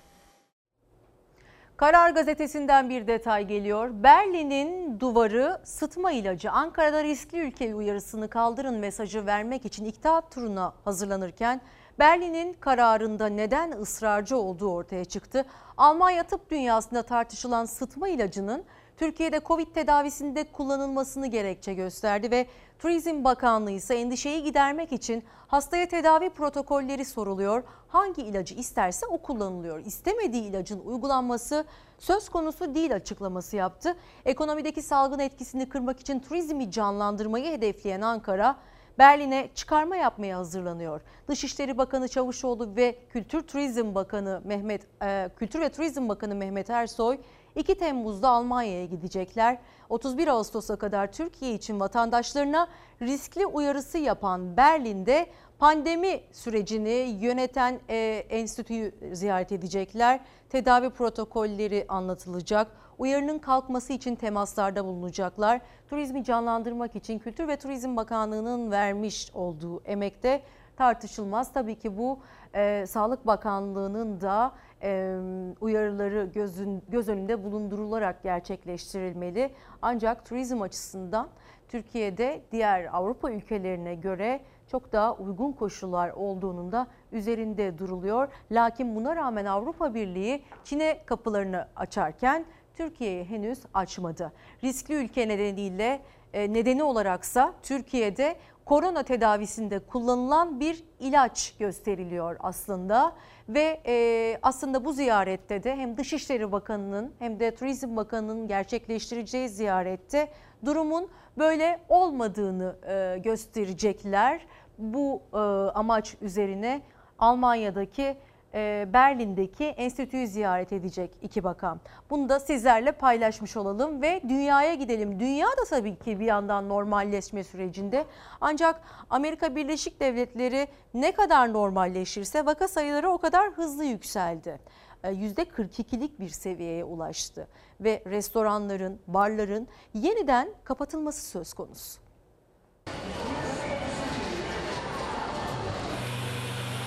Amerika Birleşik Devletleri'nde vaka artışı 3 gün üst üste yeni rekor kırdı. Son 24 saatte 45 bin kişi virüse yakalandı. Başkan yardımcısı Mike Pence ise 2 ay öncesine kıyasla daha iyi bir yerdeyiz dedi. Covid-19'u kontrol eden ülkelerde normalleşme sürerken dünyada can kayıpları 500 bine yaklaştı. Vakalar 10 milyona dayandı. Amerika Birleşik Devletleri'nin güney eyaletlerinde gençlerin sosyal mesafe kurallarına uymamasıyla virüs hızla yayıldı. Ülke 3 gündür yeni rekorlara sahne oluyor. Bir gün önce 40 bin olarak tespit edilen vaka sayısı son 24 saatte 45 bine fırladı. Artış sonrası bir günde 9 bin vakanın tespit edildiği Florida'da eğlence mekanları kapatıldı. Kaliforniya'da halka evde kal talimatı verildi. Bu gelişmeler yaşanırken Başkan Yardımcısı Pence iki ay sonra ilk kez basın toplantısı düzenledi. Virüsün yayılmasını yavaşlattıklarını savundu. Salgın Latin Amerika'da da hızla yayılıyor. Son 24 saatte Brezilya'da 990, Meksika'da ise 719 kişi yaşamını yitirdi. Arjantin, başkent Buenos Aires'te 3 aydır uygulanan karantinayı 17 Temmuz'a kadar uzattı. Komşu ülke İran'da normalleşme sonrası virüsün yayılmasıyla zor günler geçiriyor. Son 24 saatte 125 kişi yaşamını yitirdi. Sağlık Bakanlığı ülkede her 33 saniyede bir kişinin virüse yakalandığını, her 13 dakikada bir kişinin de hayatını kaybettiğini açıkladı. Yanımda değerli bir konuğumuz var. Ee, uzman doktor Demet Erciyes. Kendisi bir koruyucu tıp ve kardiyoloji uzmanı. Ona danışacağımız çok şey var. Bir hanımefendi yanımda. İkimiz güzel renklere sahibiz. Kırmızı beyaz Türkiye'mizin renkleri. Hoş geldiniz hocam. Nasılsınız? Hoş bulduk. Teşekkür ederim. Bize neler anlatacaksınız? Özellikle ben şunu sormak istiyorum. Şimdi biz pandemi sürecinde kendimizi koruyabilmek adına e, bağışıklığımızı güçlendirebilmek adına C vitaminleri aldık, D vitamin takviyeleri aldık, B12'leri aldık. E, demir ürün, e, demir içeren besinleri tüketmeye çalışıyoruz ama bunların da etkileşim yapma olasılığı var mıdır? Ee, şimdi tabii karışık. haklısınız. Ee, bir kere bu koronavirüs sürecinde de e, gösterdi ki e, kendisine dikkat eden, sağlığına dikkat eden, sağlıklı yaşayan kişiler e, bu hastalığı daha kolay atlattı. Hatta belki hiç yakalanmadı bile. E, burada bağışıklık sisteminin doğru çalışması ve kuvvetli olması hı hı. çok çok önemli. Aldığımız takviyeler şuna dikkat etmeliyiz. Gerçekten ihtiyacımız var mı? Belki de ihtiyacımız yok. Bu demir takviyesinden bahsettiniz. Zaten vücudumuzda yeteri kadar varsa çünkü bazı kişilerde demir fazlası da oluyor. Hatta biz belirli aralıklarla kan alarak e, tedavi uyguluyoruz. E, bu kişilerin ekstra demir alması sakıncalı. Yani e, fazla demiri olanlar özellikle kan vermesi konusunda uyarılır. Mesela ben e, demir eksikliği yaşanan bir bireyim e, ve demir takviyesi alıyorum. Benim kan vermem mümkün değil. Ama e, özellikle B12 gibi vitaminlerin de vücutta fazla olması, bu minerallerin, vitaminlerin başka etkileşimler de çıkarıyor galiba ortaya değil mi? Evet her şeyin e, fazlası azı karar çoğu zarar hı hı. diye bir söz vardır o çok doğru. Ee, tamam eksikse mutlaka tamamlamalıyız. Bu vitamin olsun, mineral olsun hem bağışıklık hem de metabolizmanın doğru işlemesi için gerekli. E, fakat önce bunları bir kontrol etmek lazım. Hmm. Çoğu kanda bakılabiliyor. Eğer eksikse e, hatta bunu doğal yollardan mümkünse... Doğal yollar o zaman hepimizin ilgimizi çekecek en önemli meseleyi açmış oldunuz. Nedir onlar? E, evet aslında beslenmemize yani e, sağlıklı yaşamın olmazsa olmazı birinci şartı sağlıklı ve dengeli beslenmek. E, bunda kasıt e, tamam şişmanlık, obezite birçok hastalığın temelinde yatıyor. Buna dikkat etmeliyiz. Ama bu demek değildir ki çok az yarı aç yarı tok yaşayalım da işte kilomuz düşük olsun sağlıklı olalım. Böyle bir şey de mümkün değil. Ne yediğimiz, Evet ne kadar yediğimiz doğru ama bu yediklerimizin de e, nasıl piştiği, nasıl saklandığı, e, nereden geldiği bunlar çok önemli. Hı hı. E, en güzeli doğal beslenmek. Evet e, bu vitamin, minerallerin hepsini biz doğadan da alabiliriz. Bir tek D vitamini onu e, güneşte cildimizde e, işte maalesef e, ancak e, işte lekelenmelerden ya da güneşin vereceği hı hı. zararlardan da kaçarak bunu çok dengeli bir şekilde yapmamız gerekiyor. Çoğu zaman hatta kışın güneş olmadığı için de çoğu zaman evet D vitamini takviyesi gerekebiliyor. Hı. Ayrıca D vitamini evet kemik, e, kas sistemi için önemli e, fakat aynı zamanda bağışıklık sistemimiz için de çok önemli. D vitamini eksikliğinde bağışıklık sistemimiz de doğru çalışmıyor. E, yani bu... bir de aynı zamanda özür dilerim e, D vitamini eksikliği yaşadığımızda, yaşadığım için biliyorum bunu, çok halsiz ve yorgun hissediyoruz kendimizi. Ve şu anda da aslında Covid döneminde olduğumuz için vücudumuzda yaşadığımız her türlü tersliği acaba ben Covid mi oldum diye değerlendirdiğimiz için bunlara dikkat etmemiz gerekiyor. Sadece bir testte hepsine bakabilir miyiz hocam?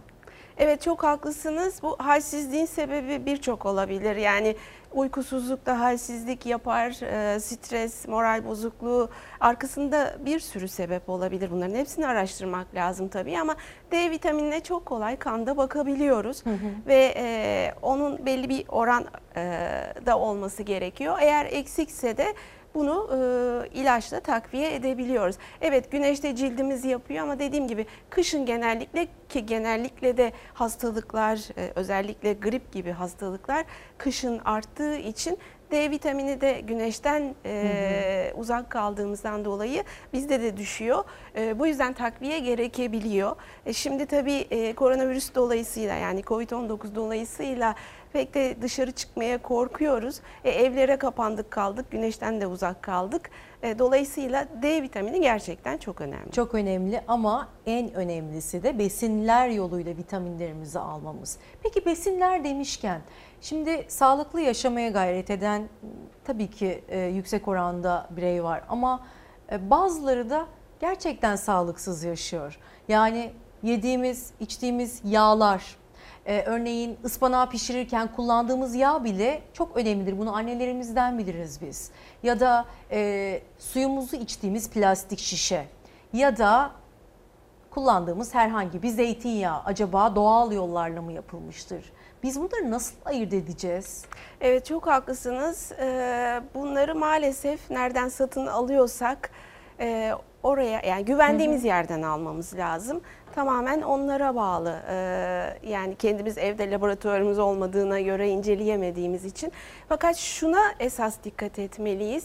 Örneğin zeytinyağı evet sağlıklı öneriyoruz. Ee, ben bir e, kardiyoloji uzmanı olarak da özellikle kalp damar hastalıklarını evet. önleme açısından e, ne yediğimiz, nasıl piştiği bunlar çok önemli. Ama zeytinyağı iyidir diye e, kızartmada kullanırsak o da bir e, trans yağ dediğimiz aslında kalp damarları için çok zararlı bir yağ haline gelebiliyor. Hı hı. Bu e, paketlenmiş gıdalar diyoruz. Aslında bu yanlış anlaşılmasın. Hani paketlenince de aslında e, üzerinde içinde ne olduğu yazıyor. Bu bir, bir bakıma güvenilirlik de veriyor ama paketlenince o gıda rafa geliyor ve e, raf ömrü uzun olsun diye de Koruyucu. içine bir dolu zararlı kanserojen koruyucular ekleniyor. Hı ee, Bunlar da e, dikkat etmemiz lazım. Aslında pandemi sürecinde öğrendiğimiz en önemli faktörlerden biri de bu. Ee, kendi evlerimizde hepimiz bir aşçı edasıyla ekmeklerimizi pişirdik. Belki e, buzluğa koyduk. Sonra onları tekrar e, paketleyip yakınlarımıza gönderdik. Evde üretmeye çalıştık. Galiba bunun bizim hayatımızın bir parçası haline gelmesi gerekir. Yani eski dönemde aslında büyüklerimizin uygulamış olduğu yöntem bu değil mi? Evet çok haklısınız. Örneğin e, yoğurdu evde yapmaya başladık. Bu son derece sağlıklı hatta yoğurt faydalı bir yiyecektir. E, probiyotiktir, sindirimi kolaylaştırır. Yani önerilen bir e, yiyecektir. E, fakat biz bunu dışarıdan aldığımızda biliyorsunuz ki günlerce haftalarca buzdolabında yoğurt bozulmadan kalıyor. Bu Evet. e, mümkün bir şey değil aslında. Kim bilir içinde neler var. Eskiden yoğurtlar iki günde ekşirdi diye biliyorum. Çok haklısınız. Bu yüzden yoğurdu evde yapmak çok sağlıklı. E bunu da bu sayede öğrendiysek aslında e, bu Covid-19'un bize verdiği bir e, güzellik aslında bir fayda. Hocam bir e, haber var. Onu da hem sizle hem izleyicilerimizle paylaşmak isterim. Türkiye gazetesinden bilim adamlarımız, bilim insanlarımız diyelim, adamlarımız olarak duyurmayalım. Covid-19'a çare buldu. Aşıyı beklerken ışını keşfettik diyor e, haberde. Dünya aşı ve ilacı ararken doktorlarımız riski röntgenden bile az olan Türk ışınıyla durumu ağır olan bir hastayı tedavi etti. Diyarbakır Gazi Yaşargil Eğitim ve Araştırma Hastanesi'nde dünyada bir ilke imza attık. Profesör Doktor Hikmet Selçuk Gedik ve ekibi yoğun bakımdaki Covid-19 hastasını ultraviyole ışınlar vererek iyileştirdi. Ki az önce de e, Berlin'de özellikle sıtma ilacıyla ilgili bir tartışma vardı. Türkiye'deki tedavi yöntemlerini Avrupa Birliği'nin benimsemediğini ve tehlikeli bulduğunu duyurduk. Tedavi yöntemlerine istinaden sizin de almış olduğunuz ve kanıtlanmış olan böyle e, tedavi yöntemleri var mı acaba? Ee, Şimdi şöyle tabii e, Covid-19'un tam tedavisi henüz Hı hı. dünyada da bulunmadı. Evet. Maalesef e, bu yüzden de salgın devam ediyor. Esas e, elimizdeki tek silah korunmak. Ee, virüse etki etkili olabilecek ultraviyole ışınında çünkü virüsü keşfettik yani e, ne olduğunu neler yaptığını biliyoruz aslında e, çok güzel yol kat ettik bunda. E, o yüzden de tedavide de başarılıyız. Türkiye'nin başarısı da e, bence dünyaya örnek olmalı konuda. Hastanelerde durum nasıl hocam? Biraz azalma var mı? Ee, Evet azalma var. Ee, Bu fakat e, şimdi e, normalleşme adına atılan adımlarla vaka sayısı arttı. Ee, Vaka sayısında artış olsa da yoğun bakıma geçişte ve ölümlerde azalma var. Rakamlarla Hı hı. bunu da görüyoruz zaten. Ee, bu hem tedavinin e, yaklaşımın doğru olduğunu gösteriyor. Yani Evet. hastalığa yakalanan var ama en azından ilerlemiyor. Yoğun bakıma düşmeye düşmüyor. e, vefatlarla karşılaşmıyoruz. E, fakat tedaviden bahsedersek eğer ultraviyole ışının e, virüsü öldürdüğünü zaten e, yani bu sülaleyi de birazcık tanıyoruz Hı hı. koronavirüs sülalesini. E, bunu biliyorduk. E, kullanılıyor olması güzel bir şey. Hani keşke hani kesin ilacı olsa bunu Keşke. şu anda kimse söyleyemez. Ama alternatif olarak değerlendirilebilecek tedavi yöntemleri. Hocam sizin söylediklerinizden aslında e, benim aldığım en önemli cümlelerden biri e, koronavirüs sadece ciğerleri değil, akciğerleri değil. Aslında kalp ve damar yollarını da çok yakından takip ediyor ve burada da yayılma hızı çok yüksek diyorsunuz bir kardiyolog olarak değil mi? Evet, evet çok haklısınız. Maalesef öyle. Ee, Şimdi koronavirüsün vücuda ACE2 reseptörleriyle girdiğini biliyoruz. Solunum sisteminde bu bol miktarda var. Damarlarda da var. Damarların iç yüzeyini döşeyen endotel hücrelerindeki ACE2 reseptörlerine bağlanıyor bu virüs.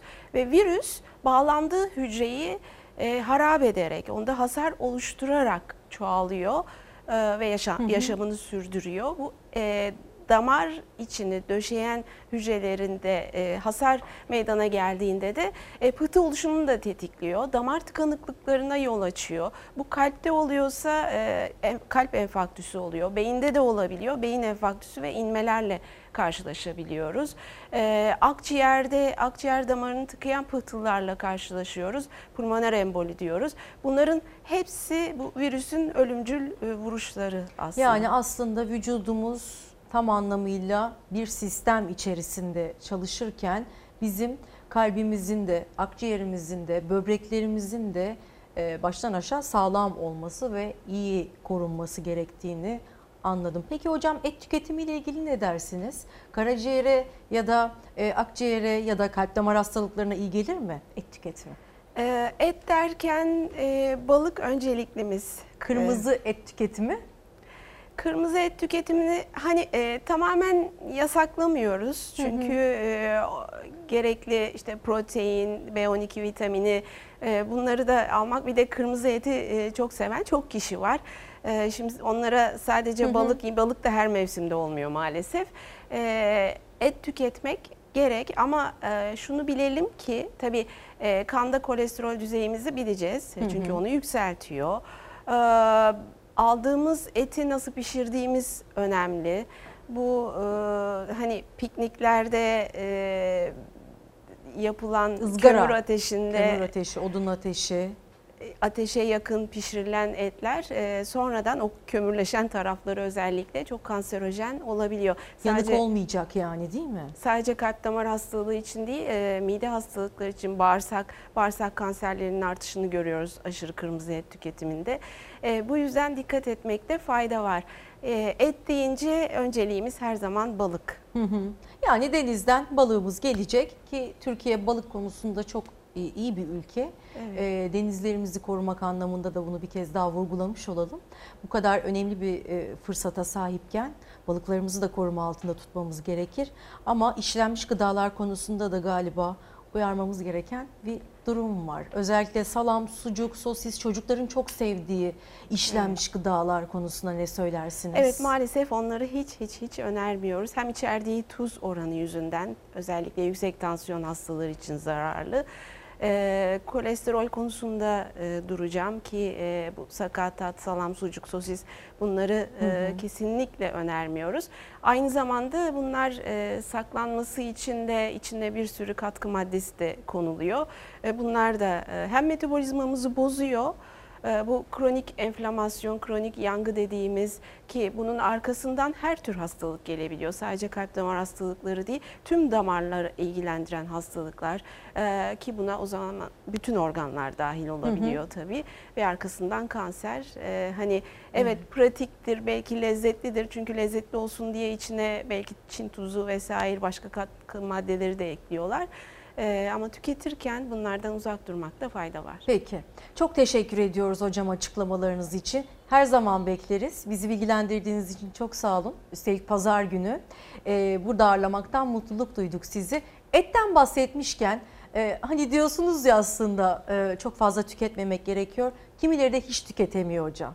Maalesef maddi problemlerden ötürü. Şimdi böyle bir haber izleyeceğiz sevgili izleyicilerimiz. Tarım Bakanı Bekir Pakdemirli korona sürecinde et fiyatlarında artış yok demişti. TÜİK'e göre e, Şubat'tan Mayıs'a artış %12'ye kadar çıktı. TÜİK rakamları gibi sokaktaki manzarada bakanı doğrulamıyor. Kıyma alacağım. Ne kadar? Azar azar alıyoruz şimdilik taze oluyor 20 liralık. Etle aranız nasıl? Tüketiyor musunuz? Ney? Et tüketiyor musunuz? Yok. Kurbandan kuyruğuna. Dar gelirli artık bayramdan bayrama koyabiliyor sofraya. Çünkü özellikle son dönemde kırmızı etin fiyatı çok arttı. Salgından önce TÜİK'e göre bile 47 lira 87 kuruştu dana etinin kilosu. Aydan aya arttı. Mayıs'ta 53 lira 65 kuruşa yükseldi. Tarım Bakanı Bekir Pakdemirli ise sıkıntı yok dedi. Korona sürecinde makarna filan arttı da et fiyatlarında artış oldu mu? Fiyat konusunda şu anda bir sıkıntı yok. Avrupa ile et fiyatlarında aşağı yukarı aynı seviyeye geldik. Gelir düzeyi düşük olduğu için et fiyatları daha pahalı geliyor. Tarım yazarı Ali Ekber Yıldırım'a göre alım gücünde Avrupa'dan geride tüketici. Sadece salgın döneminde bile Şubat'tan Mayıs'a kırmızı ete gelen zam TÜİK'e göre %12. Kasap tezgahlarında ise etiketler TÜİK'in ortalama 53 lira 65 kuruş olarak kayıtlara geçtiği rakamdan daha yüksek. Kıymalıklar 60 lira. Kuşbaşı 65 lira. Köfte de aynı şekilde 60 lira. Sotemizde 70 lira. Antrikot 85 lira. Üreticinin ucuza sattığı yani maliyetine bazen maliyetin altına sattığı karkas et tabi kasapta veya tüketim noktalarında tüketiciye daha pahalıya ulaşıyor. Durum iyi olmayanlar yine az az alarak, durum iyi olan geldi bir kilo kuşbaşısını, kıymasını alıp köftesini her türlü yaptı. Et artık herkesin değil, parası olanın doya doya yediği, parası yetmeyenin en azından kokusu tadı olsun diye gıdım gıdım alıp ancak başka bir yemeğe ilave ederek tükettiği bir gıda maddesi oldu. Ve görünen o ki virüs döneminde de et fiyatları artmaya devam etti. İnanır mısınız eee, 5 TL'ye kadar insanlar ettir, kuşbaşı alan müşteriler vardı. Etli yemek mi? Etli yemekti. Yani o amaç bu. En azından tadı olsun, görüntüsü olsun. Başka bir şey yok. Etin dar gelirlinin tenceresinde tadı var, kokusu var. Etin kendisi ise varla yok arasında. Doya doya diye bir şey kalmadı artık. Eskiden doya doya doya. Şu anda yani yemeklerle karıştırıyoruz. Bazen nadir oluyor yani tek sade et yediğimiz yani. Küçük bir tat katsın diye hani öyle doyarak köfte yemek artık yok. Ya tabağa koyduğumuzda herkese ikişer tane, üçer tane çok fazla yok öyle. Doyup doyup yiyebileceğimiz bir köfte yok artık. Şimdi bir ara veriyoruz. Sonra özellikle enflasyon ve ekonomi başlıklarına göz atacağız efendim. Görüşmek üzere. Yeniden birlikteyiz efendim. Öğrencilerimiz 10-15 itibariyle sınavda e, bilgilerini tazelemeye ve bilgilerini kağıtlara dökmeye başladılar. Velilerin heyecanını buradan paylaşıyoruz. Diliyoruz ki en hayırlısı olsun tüm öğrencilerimiz için. Gün boyu gazetesinden bir detay paylaşacağız şimdi. Gün boyunda Talep fırsatçıları başlığını görüyorsunuz. Konut satışlarında %24 düşüş var. Ev sahibi olmak isteyenlerin sayısı düşük faizli kredi sayesinde arttı. Bu talep artışını fırsat bilen mülk sahiplerinin konut ve iş yeri fiyatlarını yükseltmesi ise piyasayı bozdu. Aslında piyasaların canlanması için konut satışlarının yükselmesi için uygun faizli krediler gündemdeydi. Ve tüketici kredileri, taşıt kredileri, uygun faizli ev kredileri tüketiciyle buluşturuldu. Ancak fırsatçılar bu faizli kredilerin yapmış olduğu, sağlamış olduğu avantajı dezavantaja çevirdi. Artık evler, konutlar eskisinden çok daha pahalı. Genelde arayıp fiyatlarını yükseltme peşindeler bazı ev sahipleri. Değişen bir şey olmuyor. Faizden olan düşüş evin maliyetine geliyor. Bizim bir kazancımız olmuyor yani. Konut kredisi faizleri düştü ama bu kez de ev fiyatları uçtu. Faiz yükünden az da olsa kurtuldum diyenler artan konut fiyatlarından dertli. Çünkü geri ödeme faiz kampanyası öncesine göre düşeceğini arttı. İkiye katladı ev fiyatı. Benim arkadaşım ev alacaktı. 320 liraya anlaştı. Bir hafta 10 gün içinde ev 380 liraya çıktı. Fırsatçılık. Salgın döneminde piyasa canlansın diye konut faizi sıfır evlerde %0,64'e, ikinci elde ise %0,74'e düşürüldü. Başvurular 133 bini geçti. Ancak tüketici bu sefer de yüksek konut fiyatlarıyla karşı karşıya. Düşük faizli kredi kampanyasından önce İstanbul Bakırköy'deki bu evin fiyatı 450 bin liraydı ama sahibi evin fiyatını 100 bin lira yükseltti. 0.99 faiz oranı varken bu evin alıcısı 10 yıl vadeyle 450 bin liralık eve 770 bin lira geri ödeme yaparken şimdi faiz oranı 0.74'e düşmesine rağmen 830 bin lira geri ödeme yapmak zorunda. Ortalama 100-150 bin lira artmış seviyede. Konut kredilerinde faiz oranları düşerken ev fiyatlarının yükselmesi üzerine gayrimenkul uzmanları her evin değerinin net bir şekilde belirleneceği bir mekanizmanın yetkililer tarafından hayata geçirilmesini istiyor. Her daireye özel bir ekspertiz raporunun bir kimlik belgesinin olması gerekiyor.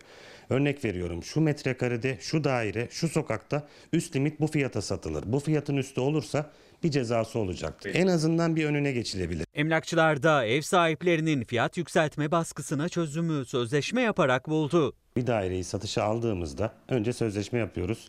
Buradaki fiyat politikasında da fiyatın düşebileceğini ama arttırılamayacağını hem kendimizi hem alıcı kişiyi korumuş oluyoruz. Mesut Bey bir yıl önce 0.99'dan kredi çektik faizler düştü ama biz yapılandırma yapamıyoruz diyen tüketicilerden biri. Pek çok tüketici de bu e, yapılandırma bu kredi fırsatlarından faydalanmadan evvel kredi çektiği için yüksek faizlerden çektiği için Bunun da mağduriyetinin giderilmesini istiyor aslında. Yeniden bir düzenleme istiyorlar. Düşük faizli krediler kapsamında yeniden mevcut kredilerinin yapılandırılması tüketicileri çok rahatlatacak bir duyuru olarak sizlerle paylaşmak isteriz efendim. Korkusuz gazetesine bakıyoruz. Korkusuz gazetesinde %40 zam halayı fotoğraf karesini görüyorsunuz. Korona salgını işçinin sevincini daha fazla engelleyemedi. Birlikte halay çeken Başkan Arda ile sendikalı işçiler sosyal mesafe kuralına dikkat etmeye çalıştı. İzmir'de gerçekleşti bu e, halay meselesi. Gazi Gazi Emir Belediyesi işçileri maaşlarına yapılan %40 zammı davul zurna eşliğinde oynayıp halay çekerek kutladı.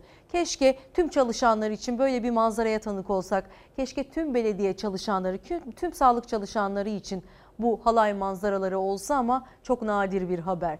Disk arasında geçen Gazi Emir Belediyesi, İzmir'in Gazi Emir Belediyesi ve Disk arasında geçen Nisan ayında imzalanan toplu sözleşmenin kutlaması koronavirüs nedeniyle ertelenmişti. Maaşlarına %28 ila 40 arasında zam yapılan işçiler dün davullu zurnalı kutlama yaptı. Aslında bu da sendikalaşmanın ne kadar önemli olduğunu çalışan için bir kez daha gösteriyor. Belediye Başkanı Halil Arda ile birlikte halay çektiler.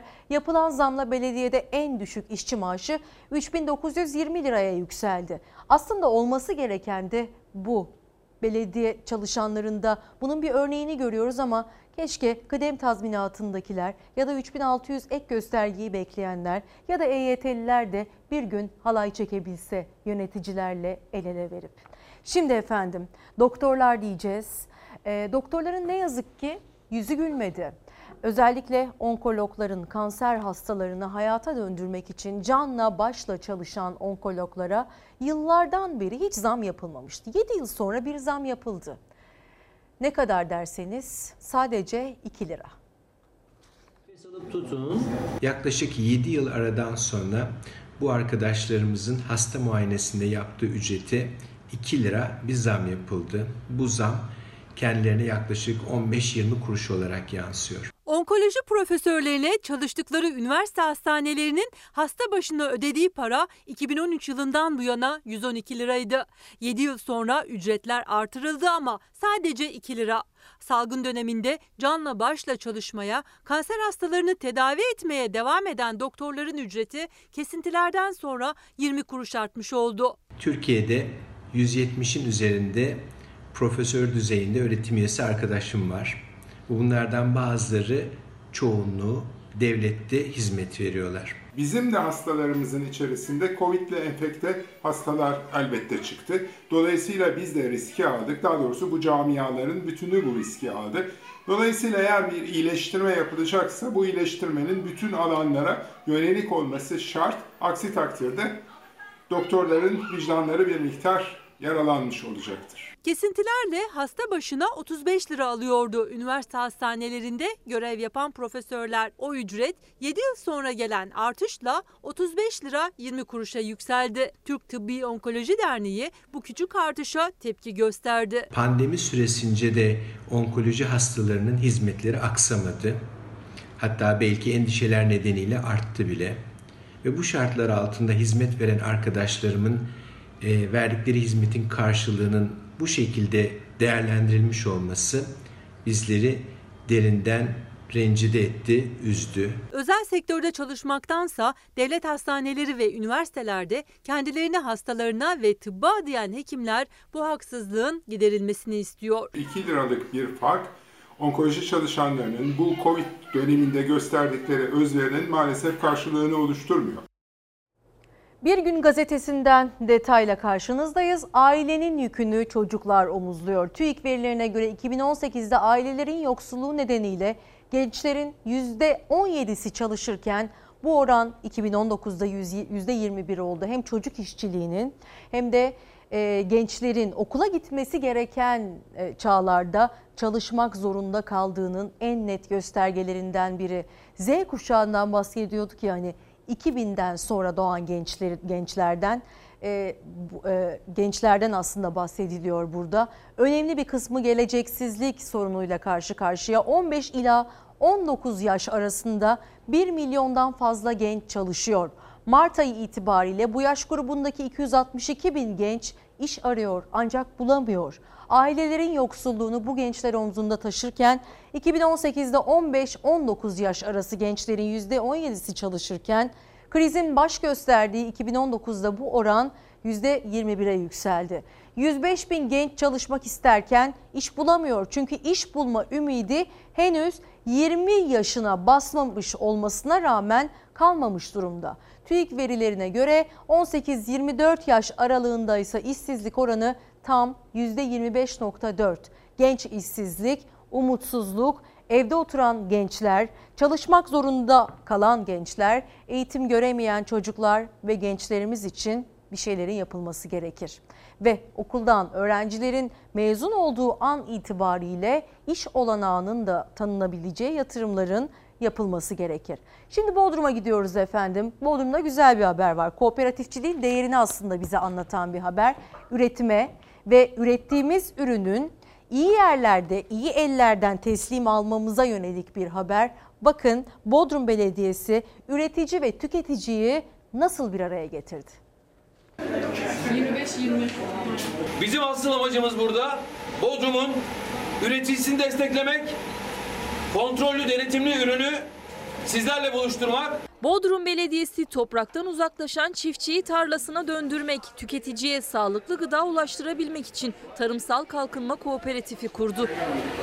Turizmin yanında tarımsal üretimde de önemli bir potansiyele sahip Bodrum. Belediye tarımsal arazilerin tamamını aktif tarıma kazandırmak için çiftçilere ücretsiz fide dağıttı. Alınan mahsulleri üreticiden tüketiciye en sağlıklı şekilde buluşturmak için kooperatif kurdu. Bodrum'un yaklaşık 200 bin hektar ekilebilir, dikilebilir toprağı olduğunu da düşünürseniz aslında turizmin yanında işte yatsınamayacak kadar da önemli bir potansiyele sahip olduğunu anlayabilirsiniz.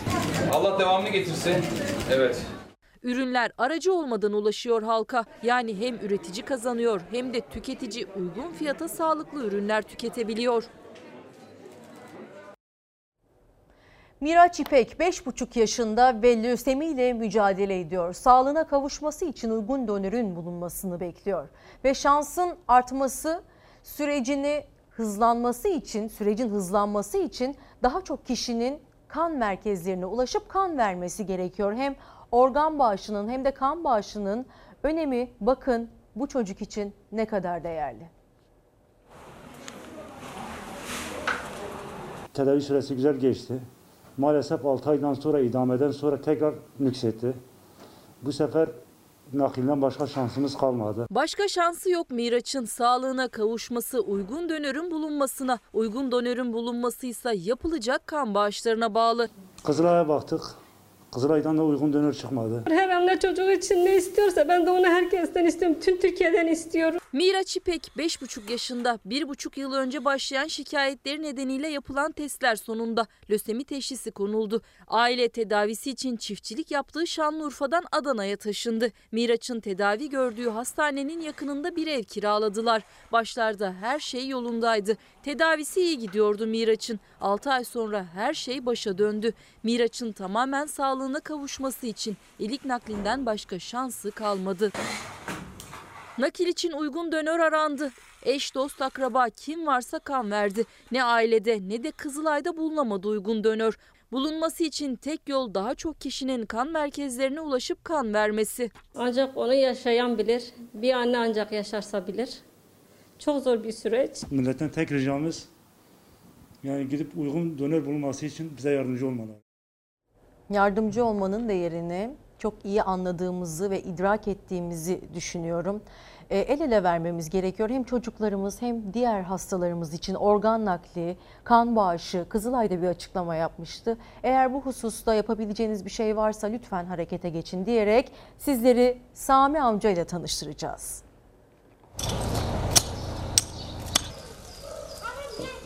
Bu bahçe, bu park te- benim için evimin içi gibi. Tam 25 yıldır her sabah kendi işi gibi parka koştu. Kendi diktiği ağaçları suladı, çapa yaptı. 25 yıllık park gönüllüsü Sami Güler'in adı Buca Belediyesi tarafından hayatını adadığı parka verilerek ölümsüzleştirildi. 25 sene evvel bu park yapıldı.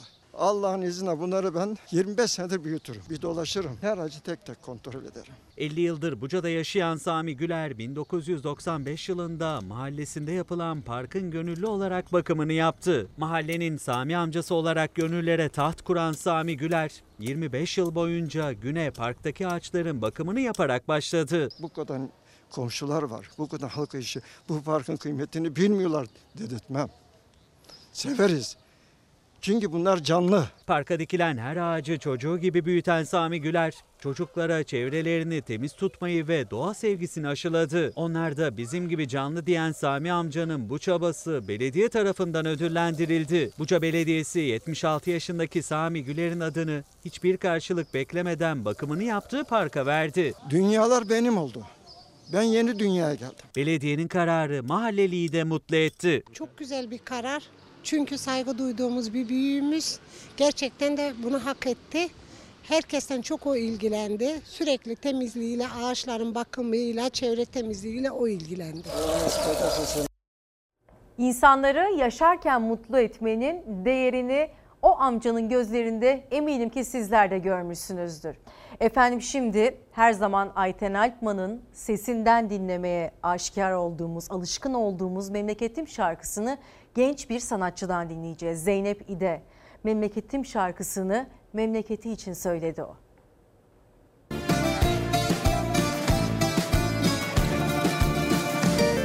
Havasına, suyuna, taşına, toprağına Bin can feda bir tek dostuma Her köşesi cennetim Ezilir Bir başkadır benim memleketim. Her köşesi cennetim Ezilir yanar içim. Bir başkadır benim memleketim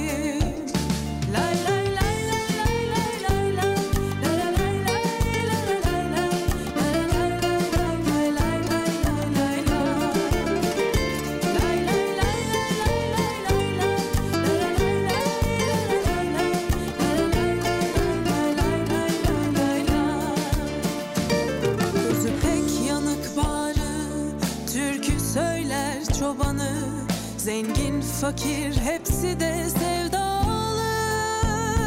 Ben gönlümü eğlerim, gerisi Allah kerim.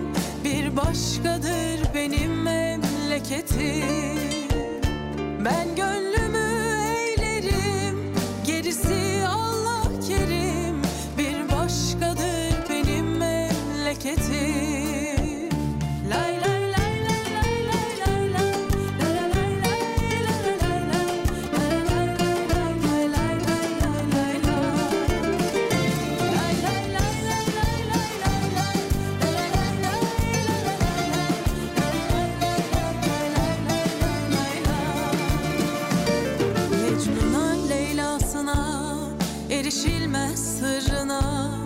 Sen dost ararsan koş Mevlana'ya. Yeniden doğdum dersin Derya olur gidersin. Bir başkadır benim memleketim. Yeniden doğdum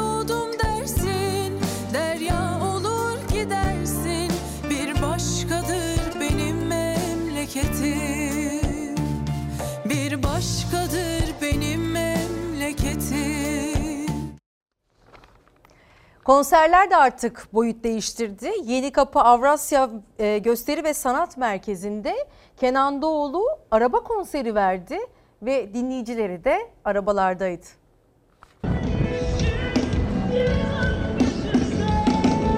Evde kalmaktan çok sıkılmıştık. Bence iyi oldu. Duyduk geldik bilmiyorum yani nasıl e, memnun kalacağız mı? Kalacağız herhalde yani güzel. Virüs konser coşkusunu engelleyemedi. Yan yana gelemiyorsak arabada dinleriz dediler. Türkiye'nin ilk arabalı konserine gittiler. Sahnede Kenan Doğulu. Konser alanında araba içinde hayranları vardı. İzoleyiz.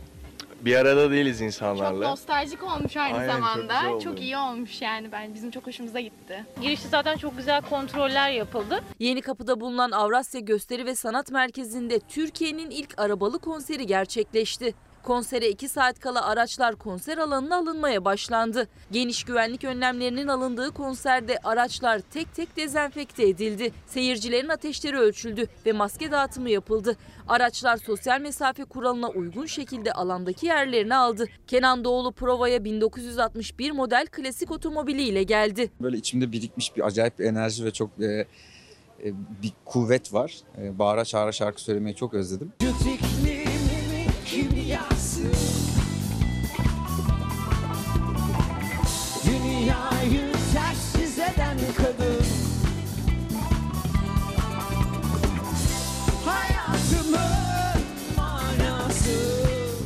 Belki eski coşku yoktu ama müziğin iyileştirici etkisine en çok ihtiyacımız olduğu bu günlerde konser dinleyicilere ilaç gibi geldi. Çatlayı çatlamak üzereyim Enerjisinden tutup da düzeleyim Orta olmuşum düzeneyim İstanbul'da bizim buralarda hava 27 derece. Şimdi sizi manzaramızla buluşturuyoruz. Hem kontrol etmiş oluruz acaba kimse var mı diye. Az önce bir e, beyefendi koşuyordu. Belki özel izni vardır bilemiyorum ama şu anda sahil İstanbul Kazlıçeşme sahilde kimsecikler yok. Sokağa çıkma kısıtlaması 18.30'a dek sürecek. Biz de sizleri bu manzarayla buluşturmak istedik. Bu arada e, ne yazık ki hafta boyunca sel baskınlarına ve su taşkınlarına da tanık olduk, izledik. Altyapının yetersizliğini konuştuk. Ama aynı zamanda yaz sezonu açıldığı için denize girecek olanları da uyarmamız gerekiyor. Boğulmaların çok sık yaşandığını yaz aylarında tekrarlamamızda bir sakınca yok galiba. E, maalesef e, iki kişi daha boğulma tehlikesi atlattı. Hem genel olarak hava durumunu bakı, e, hava durumuna bakalım yurt genelinde hem de deniz sezonunda bakınız ne gibi tehlikelerle karşı karşıya kalabiliriz. Tamam. Götürün. Buralara git. Can kurtaranlar çırpındıklarını görüp koştu. Dalgaların arasından çekip çıkardı onları. Aynı aileden 3 kişi Karadeniz'in hırçın sularında boğulmaktan son anda kurtarıldı. Çocukların hepsi çok iyi abi. Hepsi arkanda. Hiçbirinde bir sıkıntı yok. Tamam mı? Sen sakin ol. Isınan havayla birlikte virüs tehlikesine rağmen sahiller serinlemek isteyenlerle dolup taşıyor. Giresun'da da bir baba kızı ve yeğeniyle serinlemek için Teyyare Düzü mevkiindeki plaja gitti. Deniz üçünün de mücadele edemeyeceği kadar dalgalıydı. Çırpınmaya başladıkları anda can kurtaranlar tehlikeyi görüp denize atladı. İyi misin? Kuma yatırılan baba, kızı ve yeğeni neyse ki hayatta ve sağlık durumları iyiydi. Yaşadıkları korku dolu anlar denizlerdeki tehlikeyi bir kez daha gözler önüne serdi. Üç tane hastam var. Hepsinin nabzı var. Ne yazık ki boğulma haberleri sıcaklıkların artışıyla daha da artıyor. Meteorolojinin haftalık tahminlerine göre önümüzdeki birkaç gün sıcaklıklarda önemli bir değişiklik olmayacak. Karadeniz bölgesi bugün de sağanak yağmurlu. Yağmur hafta başında hafifleyecek. Hafta ortasında Karadeniz'de yitirdiği etkisini Doğu Anadolu'da sürdürecek. Güneydoğu Anadolu, Ege ve Akdeniz ise pazar gününü 40 dereceye yaklaşan ancak daha fazla hissedilen sıcaklıklarla geçirecek. Sıcaklığın en yüksek olduğu iller 39 dereceyle Şanlıurfa, 38 dereceyle Aydın, Denizli ve Antalya olacak. Nursel Hanım bir sağlık çalışanı. Bana kalırsa Sağlık Bakanı sağlık personelinin kronikleşmiş sorunlarını dinlemeli. Bir çözüm bulunmalı. Haftalardır sorunlarımızı yazıyoruz ancak bir açıklama bile duyamadık. Performans sistemi kalkmalı. Tek kalem seyyanen zamlı maaş verilmeli. Kamuda en düşük maaşı istemiyoruz diyen Nursel Hanım bir sağlık çalışanı ki onkologlara da yapılan 2 TL'lik zam e, açısından baktığımızda da hakikaten onca emeğin e, karşılığı bu olmamalı diye düşünüyorum. Son tablomuza da bakalım. Koronavirüs tablosu. Sağlık Bakanı Fahrettin Koca'nın paylaşmış olduğu son tablo. 27 Haziran 2020 tarihli. E, bugünkü test sayısı yani 27 Haziran'da yapılan test sayısı 45.213'tü.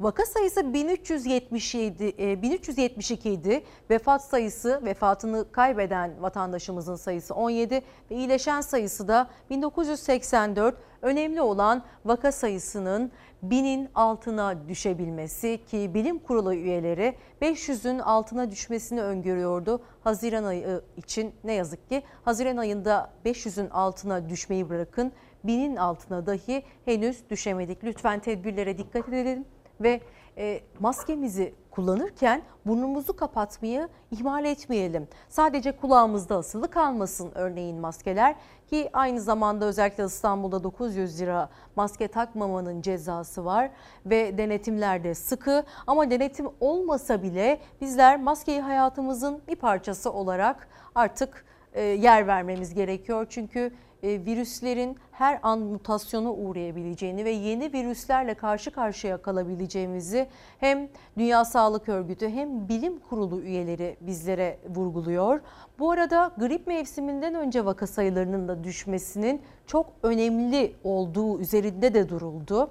Tabii pik yapma durumları da söz konusu. Bilim kurulu üyelerinden yine pik yapma konusunda da her an karşı karşıya kalabileceğimiz söylendi. Tabii ki Avrupa'ya baktığımızda, Amerika Birleşik Devletleri'ne baktığımızda Türkiye'nin çok daha iyi seyrettiğini söylememiz mümkün. Ee, Oxford Üniversitesi bir araştırma yapmıştı ve riskli ülkeler 10 riskli ülke arasında Türkiye'nin yer almadığını duyurmuştu.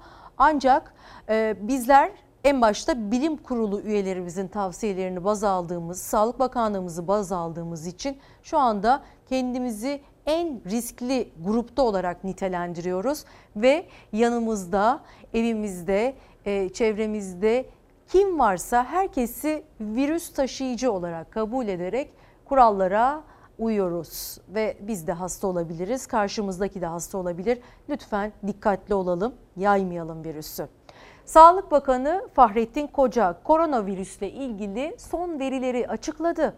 Bakan Koca önümüzdeki hafta iki haftaya dikkat çekti. Sürekli azalma olursa iki haftada binin altına inebiliriz dedi. Türkiye zaten birinci dalganın pikini yaşamıştı. İkinci bir pik yaşamamak için bu koruma önlemlerini uygulamalıyız. Tüm uyarılara, artan vaka sayılarına rağmen özellikle sınav kısıtlaması sona erdikten sonra sokaklar, sahiller yine dolup taştı. Sadece bir saatte trafik yoğunluğu %47'ye ulaştı. YKS sınavı nedeniyle 81 ilde uygulanan sokağa çıkma yasağı az önce sona erdi. Yasak biter bitmez yine sosyal mesafenin olmadığı kalabalık ve maskesiz görüntüler ortaya çıktı. Oysa rakamlar hala yüksek. Sağlık Bakanı Fahrettin Koca 27 Haziran'ın koronavirüs tablosunu önemli tespitlerle paylaştı. Tabloya göre son 24 saatte 45.213 test yapıldı. 1372 kişiye daha koronavirüs tanısı konuldu.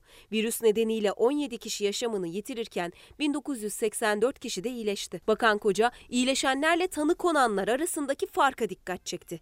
Bu sayı dün 96 idi bugün 612 dedi. Sağlık Bakanı son iki haftanın da değerlendirmesini yaptı. Önümüzdeki iki haftaya da dikkat çekti. Verilere göre son 14 günde tanı konanların %5.68'i 17 yaş ve altından, %63'ü 25-45 yaş grubundan. Bakan Koca azalma sürekli olursa bu hızla bile iki haftada binin altına inebiliriz değerlendirmesinde bulundu. İlk vaka görüldükten bir ay sonra 11 Nisan'da 5138 ile zirveyi görmüştü günlük koronavirüs vakası sayısı. Günlerdir yeniden yükselişe geçince Bilim Kurulu üyesi Profesör Doktor Seçil Özkan'dan ikinci zirveye dikkat uyarısı geldi. Şu anda Türkiye'de de görüyoruz ki rakamlarımızda, hasta sayılarımızda bir artış var. Bütün temaslar açık birbirine ve kendimizi korursak aynı zamanda kendimizle temas eden diğer insanlarda koruyacağımız unutulmamalı. Enfeksiyon Hastalıkları Derneği Başkanı Profesör Doktor Mehmet Ceyhan'a göre entübe sayısının düşmesi için özellikle 65 yaş üstünün çok daha iyi korunması gerekiyor. Saat kısıtlaması olmaksızın dolaşabilecekleri alanlar belirleyip güvenli bölgeler oluşturup oralarda yürüyüş yapmaları ve hava almaları sağlanabilir. Güvenli bölge önerisinin yanı sıra 65 yaş üstünün riskli alanlara da belirli günlerde girebilecekleri bir düzenleme yapılmalı Profesör Ceyhan'a göre. Banka, vergi dairesi, işte kuaför, berber gibi yerlerde haftanın bir günü sadece bunlara hizmet verilmesi sağlanabilir. Bu grubu koruyabilirsek en azından bu yoğun bakım solunum cihazı ihtiyacı olan ve ölenlerin sayısındaki artışı durdurabiliriz. Lütfen sosyal mesafeye dikkat edelim. Ağzı burnumuzu kapatacak şekilde maskelerimizi takalım. Salgın ciddiyetini korurken hala kuralları hiçe sayanlar var. YKS sonrası gece de sahiller, caddeler doldu taştı. Maçka Parkı, Caddebostan sahili, İstiklal Caddesi, İstanbul'da mesafede, maske kullanımı da olması gerekenin altındaydı. Silivri'de konvoy eşliğinde asker uğurlayan bir grup genç araçlarıyla girdikleri sokağı trafiğe kapattı. Vatandaşların ihbarıyla olay yerine gelen polis asker eğlencesini sonlandırdı. Rusya'da koronavirüse yakalanan iki Türk vatandaşı da ambulans uçakla Türkiye'ye getirildi. Bursa Yenişehir Havalimanı'na getirilen iki Türk vatandaşı Bursa Şehir Hastanesi'nde tedaviye alındı. Yüzünüzü güldürecek bir haber geliyor şimdi. Rize'den geldi bu haber. Tahta araba geleneği orada halen yaşatılıyor. Korona nedeniyle yarışlar yapılamasa da çocuklar eğlenmeye devam ediyorlar.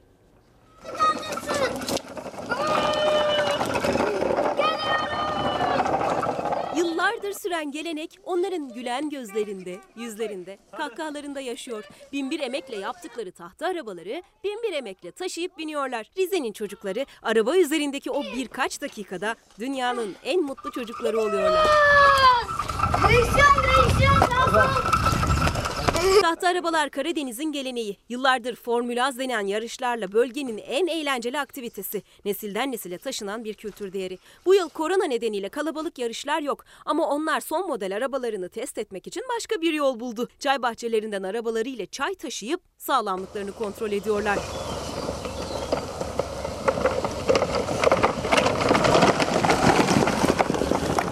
Büyükler yarışlara hazırlana dursun. Arabaları nasıl keyifliyse kuşkusuz çocuklar çıkarıyor.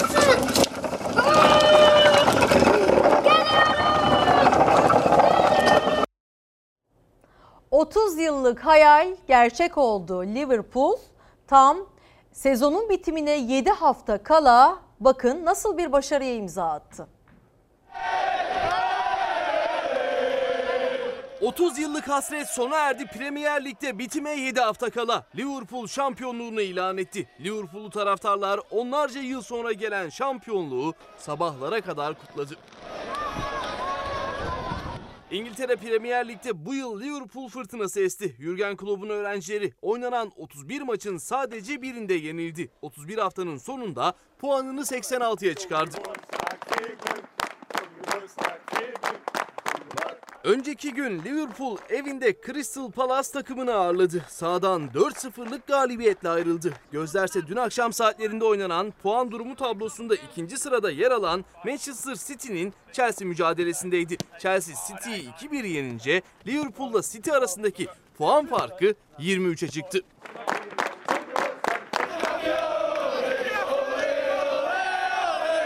Premier Lig'in bitimine 7 hafta kala 23 puan farkı dolayısıyla Liverpool şampiyonluğunu ilan etti. 30 yıl sonra gelen şampiyonlukla Liverpool şampiyonluk sayısını 19'a çıkardı.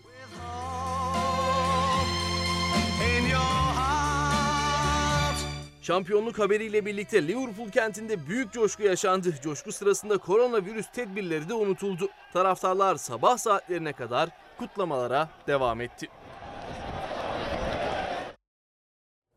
Darısı bizim futbol kulüplerimizin başına diyerek reklama gidiyoruz. 28 Haziran pazar gününü birlikte karşıladık. Saatlerimiz 11.15'i gösteriyor. Öğrencilerimizin sınav maratonu devam ederken tekrar tekrar başarılar diliyoruz. Dilerim ki e, bu hafta özellikle bize sağlık getirsin. Dilerim ki vaka sayısındaki düşüşü hepimiz gözlemleriz. Keşke 500'ün altına düşse ve keşke kurtulabilsek bu illetten. O da olacak. Sabır Türkiye ama önemli olan kendimizi korumak galiba. Efendim hareketli bir hafta olacağı benziyor. Hem baroların eylemi hem kıdem tazminatı protestoları hem siyaset hem de ekonomi tartışmaları sürüp giderken takipçisi olacağız. Haftaya görüşmek üzere. Yarın sabah İlker Karagöz sizlerle birlikte olacak. Kendinize iyi bakın, dikkat edin.